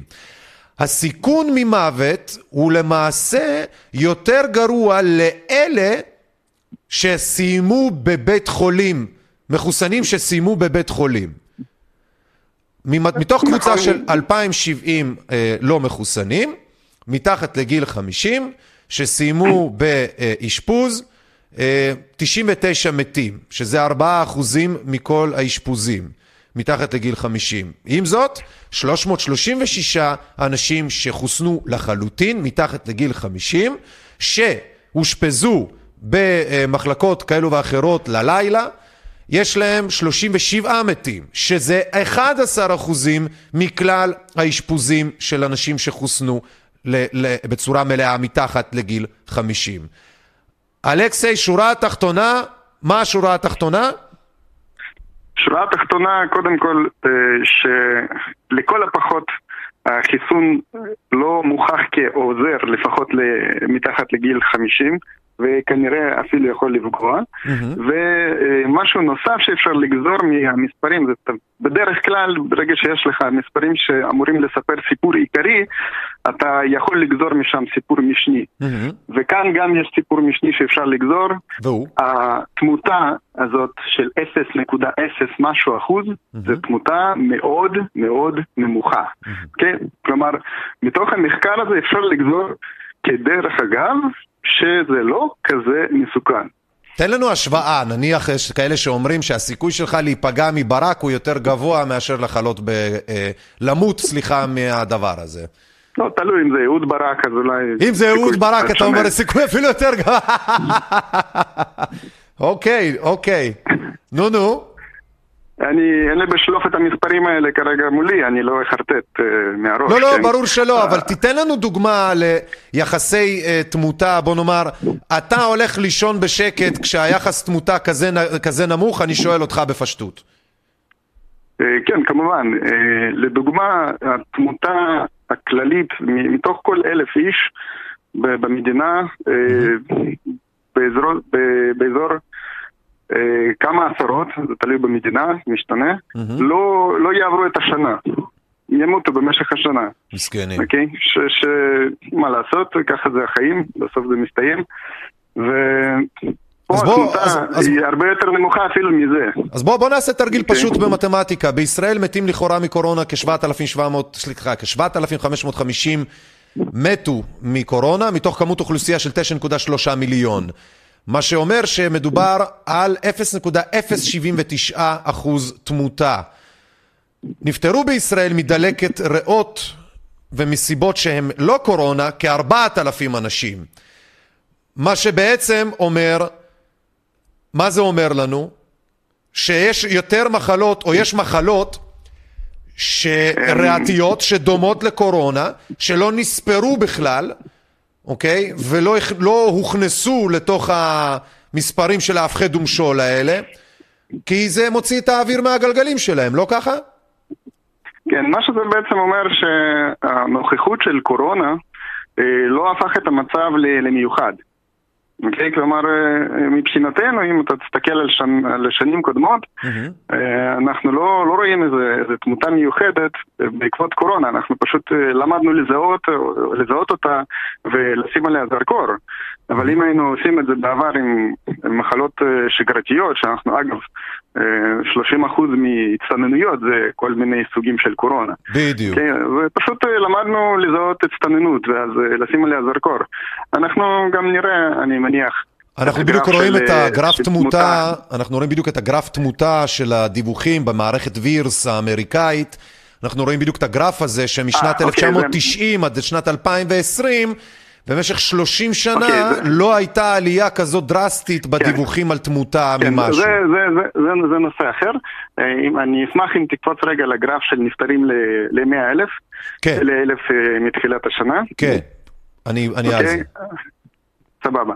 אז uh, מה שקורה זה גרף שאני בניתי, אוקיי? Okay? אני בעצמי, בידיים שלי בניתי, הלכתי ללשכה מרכזית לסטטיסטיקה ומצאתי שם נתונים, הם מתעדכנים אגב, כן, הגרף הזה מלפני חודשיים, אני האדום, בדקתי... מה שכתוב באדום זה חיסונים, כדי שאנשים יבינו, כן, באדום כן, כתוב חיסונים. 아, נכון, אוקיי? זה קצת נמחק שם, נכון. כן. אז אוקיי, אז, אז הגרף הזה בניתי, בניתי על בסיס הנתונים שהם מפרסמים, יש להם תמותה יומית לפי ערים. לפי יישובים. אוקיי, אז פשוט לקחתי את כל הנתונים, כמו שהבנת זה לא משהו מיוחד בשבילי, לעשות עיבוד כזה של מידע, והכנסתי על הגרף הזה יחסית לגודל האוכלוסייה, כמובן באותם שנים, ורציתי לראות, אני... בדרך כלל כשאני עושה דבר כזה, אני לא יודע מה יהיה התוצאה, אין לי מטרה להשיג איזושהי תוצאה. אז נדהמתי לראות את התוצאה, בגלל זה פרסמתי את זה. אז מה שקרה שבשנת 2020, שלכאורה נפטרו אה, מקורונה, אה, כמה זה היה עד, עד סוף השנה, משהו כמו 4,000 ומשהו. כן, משהו 4,000 לא ומשהו, כן. כן. אוקיי, אז, ש... אז היינו אמורים לראות איזושהי תמותה עודפת. נכון. כן, כאילו, זה כביכול אנשים נוספים שנפטרו באותה שנה, אבל נכון. איכשהו, אם אנחנו מסתכלים, אה, כמו שיורם לס אמר, שמה שחשוב זה התמותה מכל הסיבות, mm-hmm. אז הנה תמותה מכל הסיבות, ב-2020 mm-hmm. נפטרו פחות אנשים. Okay. אוקיי? שזה מדהים, שזה בעצם הזמן שבו לא היה חיסונים, לא ידענו נכון. כלום, לא נכון, שמרנו על כלום, לא מסכות, כלום. נכון, לא היה שום דבר מצד אחד. מצד שני, התמותה מהקורונה לכאורה הייתה בערך אה, באותו סדר גודל כמו שעכשיו מדווחים במספרים הרשמיים של 2021. אה, כן. כלומר, אנחנו לא יכולים להגיד עכשיו ששנה הזאת היא ככה נפגעה יותר מהקורונה, שנה הזאת פחות מהקורונה. אין לנו... למרות אין, שהשנה באו החיסונים. יש יותר עלייה מהשנה שבה המגפה הגיעה והיינו יותר מטומטמים. יפה, יפה. החלק המעניין שזה לא סתם יותר מהשנה הקודמת, mm-hmm. אלא אם תסתכל על כל הגרף, mm-hmm. אז זה יותר מכל השנים. אוקיי? כן, שזה השנים. מה שצריך לשים לב באמת, שזה לא היה, גם נכון. בשפעת החזירים של 2010, שאפשר לראות פה על הגרף, אפילו אז, הוא יותר נמוך מ-12, מ-15 ובוודאי מ-2021 או מ-2020. סליחה, נכון, הוא יותר גבוה, 2010 יותר גבוה מ-2020 מבחינת התמותה, שזה עוד יותר משעשע. נכון, נכון. אז, אה, אז זה ממש אה, חריגה גדולה, וכמובן, אה, מה היה חדש באותה שנה? קורונה זה לא משהו שחדש הגיע ב-2021, מה שכן חדש זה חיסונים. חיסונים. אני, אני לא מכיר שום דבר נוסף שיכל להשפיע בצורה כזאת דרסטית על תמותה. עכשיו, באיזה דרך? באיזה דרך אני לא יכול להגיד, כן? כן. אני לא יודע, אולי החיסונים גרמו לאנשים, לא יודע, להתאבד, אולי גם, גם, גם, הפחד ומשול, תשמע, לא, אלכסי, לא סתם, לא נכנס לזה, זה נתונים סטטיסטיים. לא סתם אנחנו מדברים על הפחד ומשול, כי זה בדיוק מה שקורה פה, הפחד הזה שמשתק את האנשים, ואנשים שפשוט מתנהגים בגלל הפחד הזה בצורות קיצוניות מאוד. אתה ראית את הבחור אה, מיפו שהשתולל עם הנשק שלו אתמול, באמצע תל אביב, באמצע היום, מישהו אחר בגרמניה שם שוטגן, ירה עם שוטגן לראש, פוצץ את הראש של מישהו בגלל מסכה, ריבים, מעצרים אלימים והתנהגויות הזויות בגלל מסכות ובגלל קשקושים ושטויות. זה ההפחד ומשול הזה, ככה אנשים יותר נפגעים מאשר רוצים שתאמין שהמגפה עושה, כן? יותר נפגעים מאחר המשני מאשר הראשי. טוב, בוא נתקדם, אני רוצה לשאול אותך אתה, ברמתך, כן, כן, כן, אוקיי, בוודאי. כן, אני רוצה לדבר כן, רגע, אה, אני רוצה רגע לדבר על ה... אה, אה, על החוויה שלך, כן, אנחנו נראה את הוידאו מד סטורציה? קונטרול. כן, אנחנו נראה את הוידאו מד סטורציה. זהו, אז אלכסי, תספר לנו רגע את הקטע האישי שלך פה עם כל הסיפור של הקורונה, כי רבים, כמו שיורם לס אמר, רבים כבר נדבקו, רבים כבר חלו, רבים כבר איכשהו סבלו מהחרא הזה של הקורונה. ספר לנו רגע אתה איך זה פגש אותך בחודשים האחרונים. מה, איך אתה חווית את, ה, את העניין הזה? תספר לנו. אוקיי, okay, אז מה שקרה בעצם לפני משהו כמו שבועיים, אני מניח, אני אה, נדבקתי ככל הנראה בקורונה, ככה זה לפי התסמינים ולפי תוצאות הבדיקה, זה הכל היה די ברור שזה, שזה המצב. עכשיו, אה, נדבקנו מחברים שהם אה, מחוסנים, mm-hmm. והחלק המעניין שבאותו אירוע היו עוד אה, חבר'ה מחוסנים, אז הם גם נדבקו. Mm-hmm. אז, אה, אז ככה, אה, היו בערך שתי משפחות שנדבקו שהם מחוסנים ושתי משפחות שהם נדבקו והם לא מחוסנים. האמת לא, לא ראיתי, לפחות בניסיון האישי שלי, שזה איכשהו השפיע מבחינת ההדבקה, כן? עכשיו, מבחינת המחלה, כמה הייתה קשה או לא קשה, אז אני לצורך העניין הייתי חמישה ימים חולה, יומיים עם חום, שלושה ימים עם שאול, זה פחות או יותר הכל. אז והחבר'ה ש... שמחוסנים, אז חלק חלו יותר קל וחלק יותר קשה. אוקיי? איזה משפחה אחת הם חלו יותר מעשרה ימים, איזה שבועיים כמעט, הם ממש לפני יומיים פגשתי אותם בקושי עדיין חולים. אז כאילו זה לא, לא, לא ראיתי שום קורלציה, למרות כמובן זה לא מדגם מייצג כמה אנשים ברור, בודדים. ברור. אבל, אבל עדיין, אני אישית אבל לא תן ראיתי לנו את שום, הג'וס, שום אז הייתם קשר. חולים, עכשיו, אז הייתם חולים, והחוויה שלכם מול המערכת, תתאר לי אותה. או, זה, זה, זה הכי כיף. כי זה נדמה אה, שאתה יודע, אין בעיה להיות חולה במדינה הזאת, הבעיות מתחילות כשהמערכת מתערבת פתאום בתוך, ה... כן. ב- בתוך העובדה שאתה כולה חולה, מי ישמע, כן, אוקיי. נכון. אז, אה, אז ככה, אז אה, אני, אני אספר את, ה, את, ה, את איך שמכבי מטפלים בזה, זה ממש... אה, מכבי. זה הקופת חולים מכבי, כן. כן, קופת... כן, לא... לא הבירה, מכבי, כן. כדורסל. או כדורסל, או תנועה ציונית לאומנית כזו, או הרבה דברים אחרים, כן. מכבי כן. קופת חולים, כן.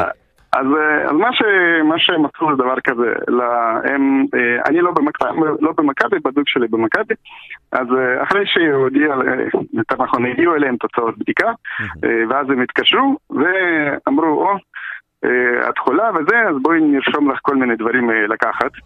אה, ורשמו, רשמו- Кто из них А, да. показывает правильно? שנייה, לא, אני איתך, סליחה, כן. כן. אני פשוט בדיוק אוקיי, מראה להם את אה, הסרטון, מראה פה את הסרטון, הנה בדיוק של המד סטורציה. אה, אוקיי, סבבה. אז, אה, אז אחד הדברים שהם אה, עשו, הם גם שלחו איזה ערכה הביתה, עם אה, מכשיר למדידת חמצן, לסטורציה, כן, ו... אבל במקרה היה לנו גם מלפני זה איזשהו מכשיר. אז רק שידענו כדי לסבר את למדוד אותו. האוזן, מצד שמאל, מי שצופה, יש את הכחול, שזה של מכבי, והצהוב זה שלכם הפרטי, והמספרים פה, אם תשימו לב, ה-90 ומשהו, זה בעצם אחוז אה, ספיחת החמצן של הריאות. אז תשימו לב שבכחול, שזה של מכבי, שניתן לחולה קורונה מטעם מכבי, כתוב 93 אחוז חמצן, ש- ספ- ספיחת חמצן של הריאות, סטורציה, רוויה.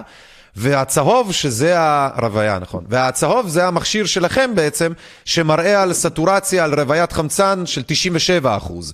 כלומר, נכון. 93 זה כבר להיות, אה, לדאוג שאתה צריך טיפול מאוד אה, רציני, אני יכול להגדיר ו-97 בדיוק את זה. אתה לא זז, אתה, הכל בסדר איתך, החיים טובים. ופה מעולה, אתה אומר... ש- אני אגיד כן. מה המספרים. בבקשה. אני אגיד מה המספרים אומרים רגע, כן. אוקיי? אה, עד אה, 95 ב- ב- בעולם מתוקן, כאילו בין 100 ל-95 זה תקין לגמרי. אה, מתחת ל... כאילו, מת- עד 90 אחר כך זה כזה נחשב אה, בעייתי, שאולי צריך אה, להתייחס. ומתחת ל-90 זה חולה קשה, אוקיי? עכשיו, זה בעולם מתוקן. מה שמכבי אמרו בטלפון, שאם זה אה, יורד מתחת ל-97, אז אתה כבר חולה קשה, תזמין אמבולנס סע.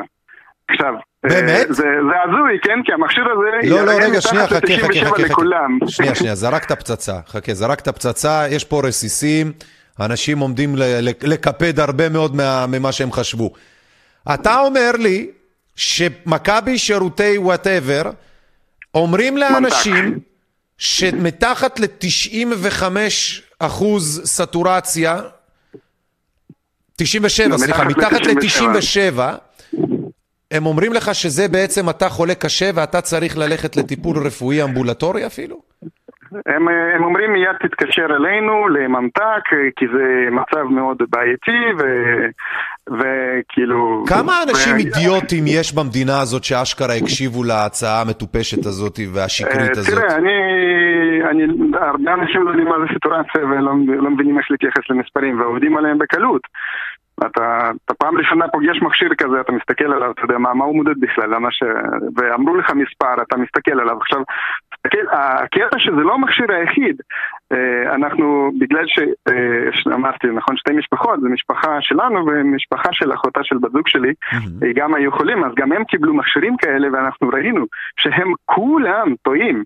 אוקיי? כל המכשירים שמכבי מספקים הם טועים. איך יכול להיות. שבמקרה המכשיר שלכם צדק? אפשר לראות את זה, אגב, נכון, זה אחד השאלות שאתה שואל, רגע, איך אתה יודע מי צודק, נכון. נכון? אז מאוד קל. אה, בן אדם שיש לו סיטואציה מתחת ל-90, הוא מרגיש ממש לא טוב. מי, ש, מי שמתעלף בדרך כלל זה כשהוא מתקרב ל-80 כזה, אז הוא מתעלף, אוקיי? זה המצב. עכשיו, ישב מולי בעלה של, אה, של אחותה של בת זוג שלי, דיברתי איתו, והוא עם המכשיר הזה עם סטורציה 80. נו, זה באמת, נו, בולשיט, כן? כן, הבנתי, הוא צריך להיות גופה כבר, ולא זה לשבת מולך כאילו נכון, כלום. אתה גם מרגיש, אתה יושב, אתה מרגיש טוב, הנה פה נגיד, מרגיש טוב והוא מראה לך 93, כאילו מה, 93 אתה כבר צריך להרגיש איזה קושי, איזה, איזה חולשה, איזה משהו, אתה צריך להרגיש משהו, אבל אתה יודע מה אתה מרגיש. זה מדהים, אתה, ואתה זה רואה איזה מדהים. מהמכשירים מראה קשר אמיתי ואיזה שקר. עכשיו, לא מספיק זה, אוקיי? לא מספיק שהמכשירים האלה וכל ההטייה הזאת. התברר אחר כך בשחרור שבמכבי רשמו גם את הבת זוג שלי וגם את, ה, את, את אותו אה, בחור ממשפחה אחרת, רשמו אותם בתור חולים קשה, ועל בסיס מה? על בסיס הדברים שהרופאה רשמה לה. כלומר, כלומר- בגלל שאם רופא רושם למישהו מורפיום, לא משנה מה הנסיבות, מישהו אחר בא מהצד והסתכל ואמר, אה, מורפיום, הוא בטח חולה קשה, פצוע, אנוש, שוכב בבית חולים, לא, לא יודע, לא מחובר לאקמו וזה, אז זה אומר שהוא מצב קשה. אתה אומר, ככה בעצם לפי התרופות שרשמה הרופאה, קבעו שהיא חולה קשה, בלי קשר למצבה הנוכחי באמת.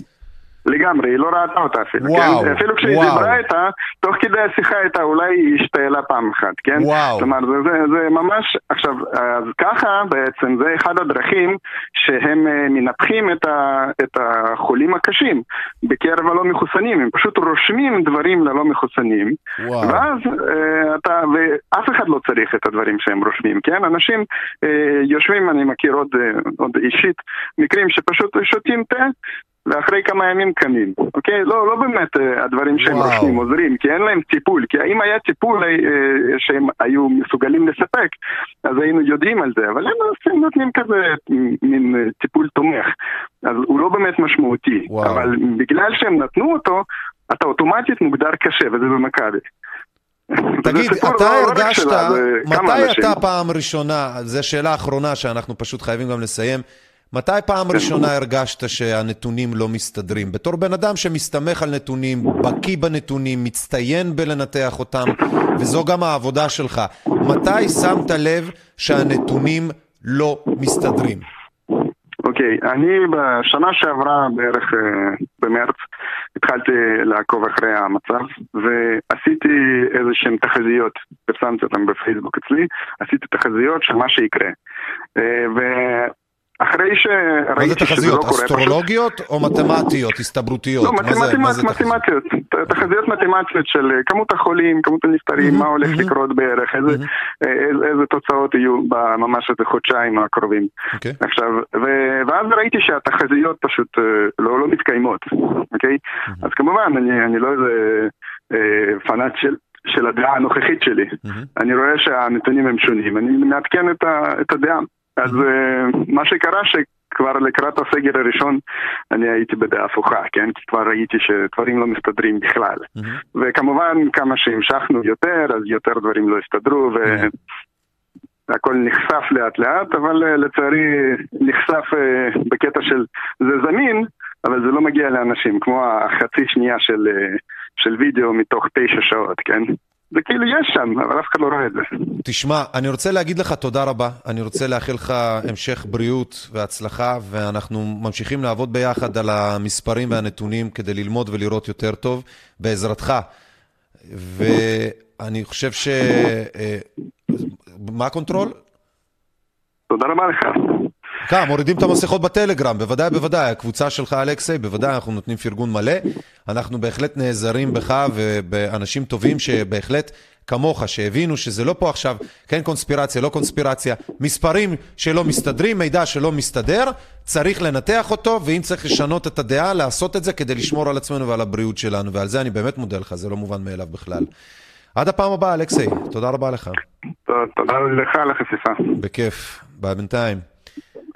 אה, טוב, אתם אה, שמעתם, כן, אתם שמעתם את אה, אלכסי, את הניסיון האישי שלו, שהגיע באמת מבדיקת הנתונים. זה, בזה הוא מתמחה, קשה לעבוד על אנשים שקוראים את הנתונים, מדגישים, שמים את הלב על הדברים האלה, שמים דגשים, בודקים אותם ומגלים לאט לאט את המידע האמיתי. והלוואי, ואגב, היינו טועים. הלוואי, באמת. אתם חושבים שאנחנו מבסוטים ממה שאנחנו מוצאים פה? ממש לא. כי תזכרו, זה לא המחוסנים או לא המחוסנים. הדיקטטורה היא על כולם. ואם בדיקטטורה עסקינן, השף חיים כהן! כפרה עליו.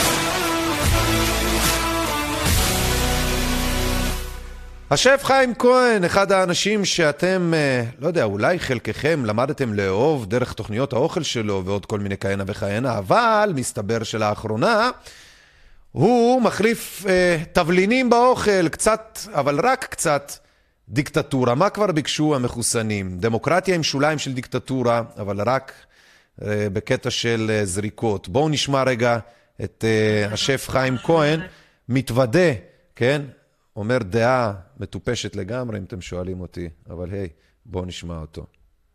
מה שאומר השר ליברמן על עניין הפיצויים. אני רוצה להגיד מילה. אני חושב שאנחנו בתקופה מרתקת שדמוקרטיה זקוקה גם קצת לדיקטטורה. לא, להתגונן, להתגונן. שהדמוקרטיה בסוף, בסוף, לבוא להגיד לבן אדם, אתה חייב אה, להתחסן, אתה לא תיכנס לכיתה, אתה לא תטוס לחו"ל, אתה לא תיכנס למסעדות, לא תיכנס לשום מקום. יש פה משהו של פגיעה בזכויות אזרח, יש פה דיקטטורה, והדמוקרטיה כנראה זקוקה לזה. מבחינה היסטורית אנחנו אולי... אני חייבת להגיד לכם שהדבר, מה שאומר השר זה מדהים, ליברמן. הבן אדם הזה רוצה קצת דיקטטורה. הבן אדם הזה כנראה שוכח איפה הוא חי ואיפה הוא נמצא, ולמה, מה, איך אומרים? be careful of what, what you wish for. כן, תיזהר ממה שאתה מבקש. כי הנה, הגיע הווידאו המאוד חמוד של הורוביץ ושל איך קוראים לאבלה הזאתי, שקד. לוחמת זכויות האדם שמרבה את האם אימא של הנוגדנים האלה כרימון. איפה הסרטון? הורוביץ שקד תו ירוק, בואו נראה. מה העניינים? אה, רגע, סליחה. היום לפני ישיבת הממשלה חושפת מה חושבים השרים הישראלים על הישראלים שעדיין לא התחסנו. שר הבריאות ניצן הורוביץ מודה שהדרישה לתו ירוק בחלק מהמקומות נובעת לא מהחשש מהדבקה, אלא מהרצון לעודד התחסנות. הכתבה של ירון אברהם. דקות ארוכות לפני שפתח ראש הממשלה את דבריו בישיבה השבועית, ישבו שרי הממשלה ושוחחו ביניהם על הקורונה, מבלי לדעת שהמיקרופונים קולטים את כל מה שהם אומרים בגילוי לב. אני חושבת שמסעדות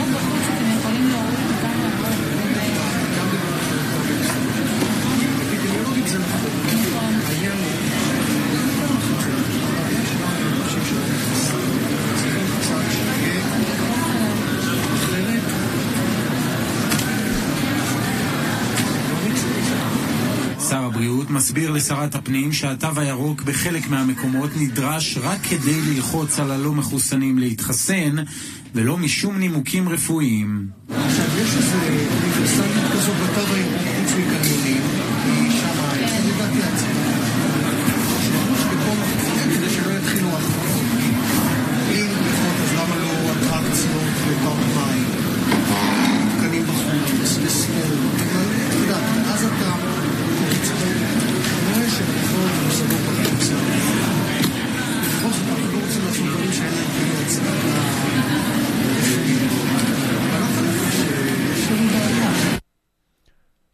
לא יכול להיות, יש לנו בעיה.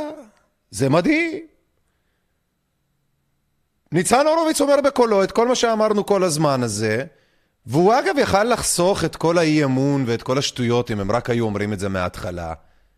זה הקטע בשקר, זה הקטע בלהפחיד אנשים, בייחוד על דברים שטותיים, על אפצ'יז ועל עניינים, שפשוט גורם להם לאי אמון וללהשתגע וללהתחרפן. והנה, אותו שף חיים כהן, שרק לפני רגע רצה לטבל את הדמוקרטיה שלו עם קצת דיקטטורה, מתחיל להתעצבן כשהוא רואה את אותו הבן אדם, את הורוביץ אומר את הדברים האלה. אומר, לא ידעתי שאני דייל מכירות של פייזר, אומר. האמירה של שר הבריאות ניצן הורוביץ, שהודה שהתו הירוק נועד לקדם התחסנות ולא כדי למנוע תחלואה, מכעיסה. מסתבר, אומר חיים כהן, שאני והקולגות שלי הפכנו למקדמי מכירות לחיסונים. בעוד אנו סופגים ירידה של עשרות אחוזים בהכנסות. הורוביץ, לאן לשלוח חשבונית? הוא שואל. אוי אוי אוי! אוי אוי אוי! תתה, מאיפה תתה? רגע, שנייה, תרשו לי פה. יש לי פה ממחטה, מה נקרא. הרשו לי לשלוף.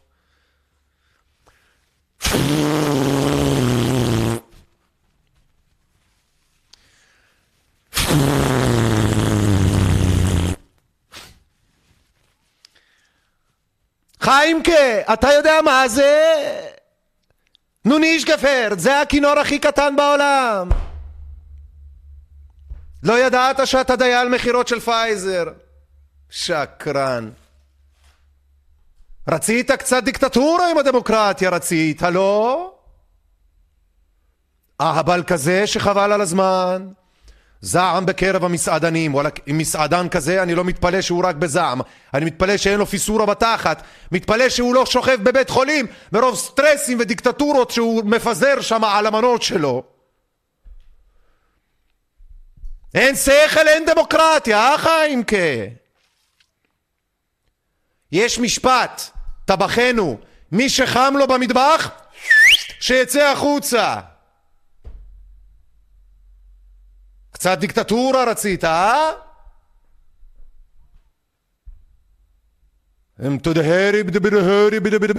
ראית כמה אוויר מוציא? בוטיק ספרים רצית, וואלה יופי.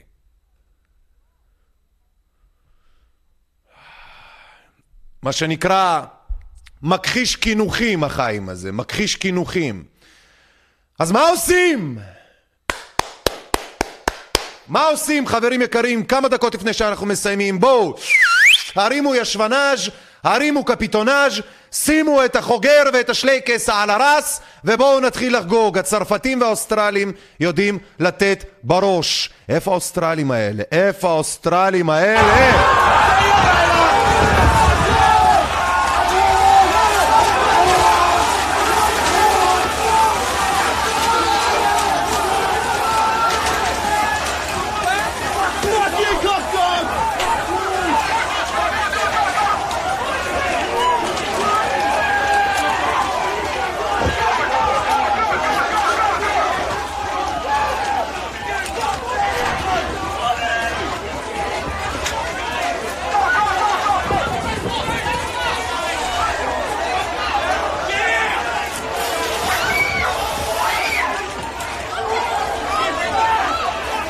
איזה אוסטרלים, כפרה עליהם. איזה אוסטרלים, הם יודעים לעשות את העבודה. היה להם גם רעידת אדמה שש וחצי במלבורן, וזה סוג של רעידת אדמה אחרת. בואו נראה את הצרפתים, קניון תו ירוק. הצרפתים מתנגדים, הצרפתים, הצרפתים מתנגדים לתו ירוק ולעניינים, אז הם נכנסו לקניונים שם ועשו שם פשיטה.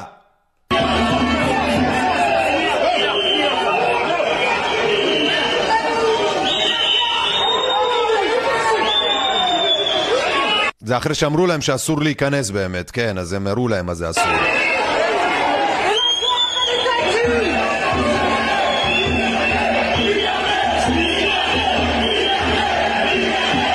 ואז הם צועקים שם, ליברטה, ליברטה, חופש, כן?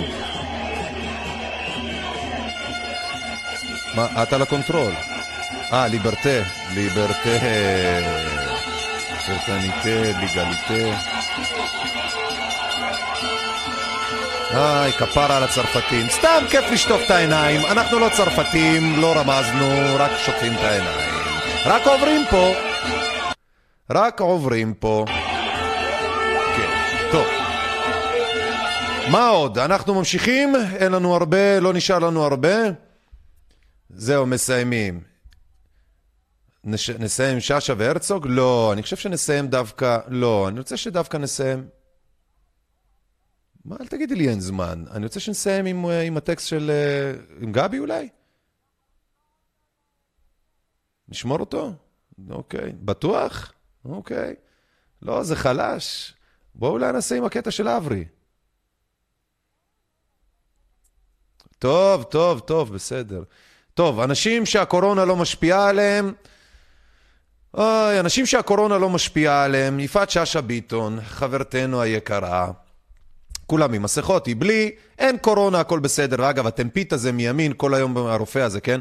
או מי שזה לא יהיה האהבל הזה, כל היום רק מאיים עלינו כל הזמן, כן? עושה עלינו מגפות, שמע מגפות, כולם ימותו, עניינים, אוי, אוח, הטרגדיה. טרג'די, טרג'די. כן, ואם הבנתם או לא הבנתם, אז אל תיחנקו, מה שנקרא. פה, כן, קים ז'ונג איל, נשיא צפון קוריאה, כולם עם מסכות, הוא ואשתו. לא צריכים. אה, מקווה שזאת לא אחותו והוא נשוי לה או משהו כזה. ופה זה בוז'י הרצוג אה, ועוד אה, כמה אנשים שבטוח יש להם רמות של כסף, וזו הסיבה שהם עומדים בלי מסכות. בעוד האחרים הם מקסטות פחות נבחרות, אז הם חייבים להיות עם מסכות. אנחנו נבקש את גברת ענת וקסמן לקרוא לקושניר, שיעזור לעשות פה סדר בדברים. חברים יקרים, אני רוצה להגיד תודה רבה לכל האנשים הטובים שהצטרפו והשתתפו, עמלו וטרחו על התוכנית היום, הצוות הנפלא, הבלתי מחוסן, הבלתי מנוצח, הבלתי ניתן לעצירה. צוות עיתונות אזרחית, רדיו עיתונות אזרחית, על תוכניותיה, זרועותיה ומעשיותיה. ליברטי עורכת ראשית ו control, יושבת לי על הווריד ונושבת לי בתוך האוזן כהרגלך בקודש עם כל הפאקים בדרך ובעניינים. אלכסי, חוקר, בודק עובדות, האיש שהמספרים לא מבלבלים אותו. יעקב על הדיגיטל, דן על הטיקטוק ועריכת הוידאו, טימור, צלמנו בשטח סטס על האתר, איילת על עריכות וידאו, וחדש גם, אנחנו כאמור, שוב פעם, תזכרו, בספוטיפיי, בקלאוד סאונד ובעוד כל מיני אה, הסכתים ופלטפורמות האזנה, כולל טיק טוק ופייסבוק. אתם מוזמנים להיכנס לבדוק, לראות, ואם אתם באמת אוהבים את מה שאנחנו עושים, אנחנו יותר מנשמח אם תוכלו בבקשה מכם לתרום ולסייע בידינו, זה לא מובן מאליו בכלל. רגע, אני אזוז לפה. וואו, המיקרופונים האלה. לא לשבור. אנחנו מאוד נשמח לביט 054-264-9690, לביט 054-264-9690, להעברה בנקאית אם תרצו, כתובה פה, אם תרצו פייפל, אם תרצו דברים אחרים, יש לנו באתר האינטרנט שלנו, שהוא ie2020.net, ואתר, או יותר נכון, האימייל שלנו, info שטרודל ie2020.net. אני הייתי איליאן מרשק, ליברטי, תודה רבה לך על העזרה, אלכסי, תודה רבה על ההתראיינות, פרופסור יורם לס היה כאן גם איתנו, תודה רבה לו. ולכל התורמים האדיבים, האנשים הטובים שאתם, שעושים את העבודה, האנשים שלהם חיכיתם, זה לא סיסמה, זאת עובדה. תנו בראש, תנו בראש. אנחנו ניפגש בדיבור צפוף ביום ראשון, נכון? כן. דיבור צפוף, או יום ראשון או מוצאי שבת, מתי שיתחשק לנו, כן. לא נתחייב, אנחנו ניתן בראש. תמשיכו להפיץ, לשתף, לעקוב, פעמון אדום להירשם, או יירשם למנויים פה. ביוטיוב, תכתבו לנו בצ'אט, תכתבו לנו באתר, תדרגו אותנו, תשתפו את הדברים האלה החוצה, ואל תיתנו להם להפחיד אתכם ולמשול בכם. אתם הרוב, תנו להם ברס. לא צריך להיות צרפתים או אוסטרלים, תהיו מה שאתם. תעשו אחרת, יהיה אחרת, תעשו טוב, יהיו טוב. עד התוכנית הבאה, שמרו על עצמכם. וזהו, כן, אני חושב שכן, ניתן קיו כזה, כן, יאללה.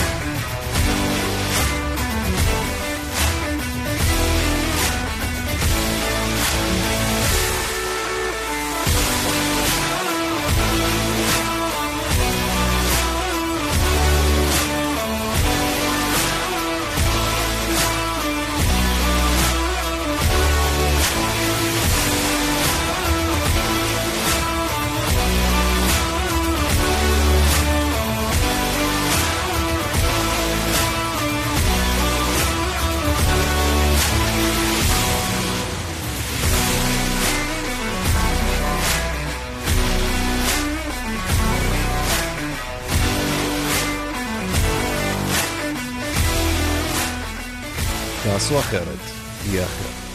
רדיו עיתונות אזרחית.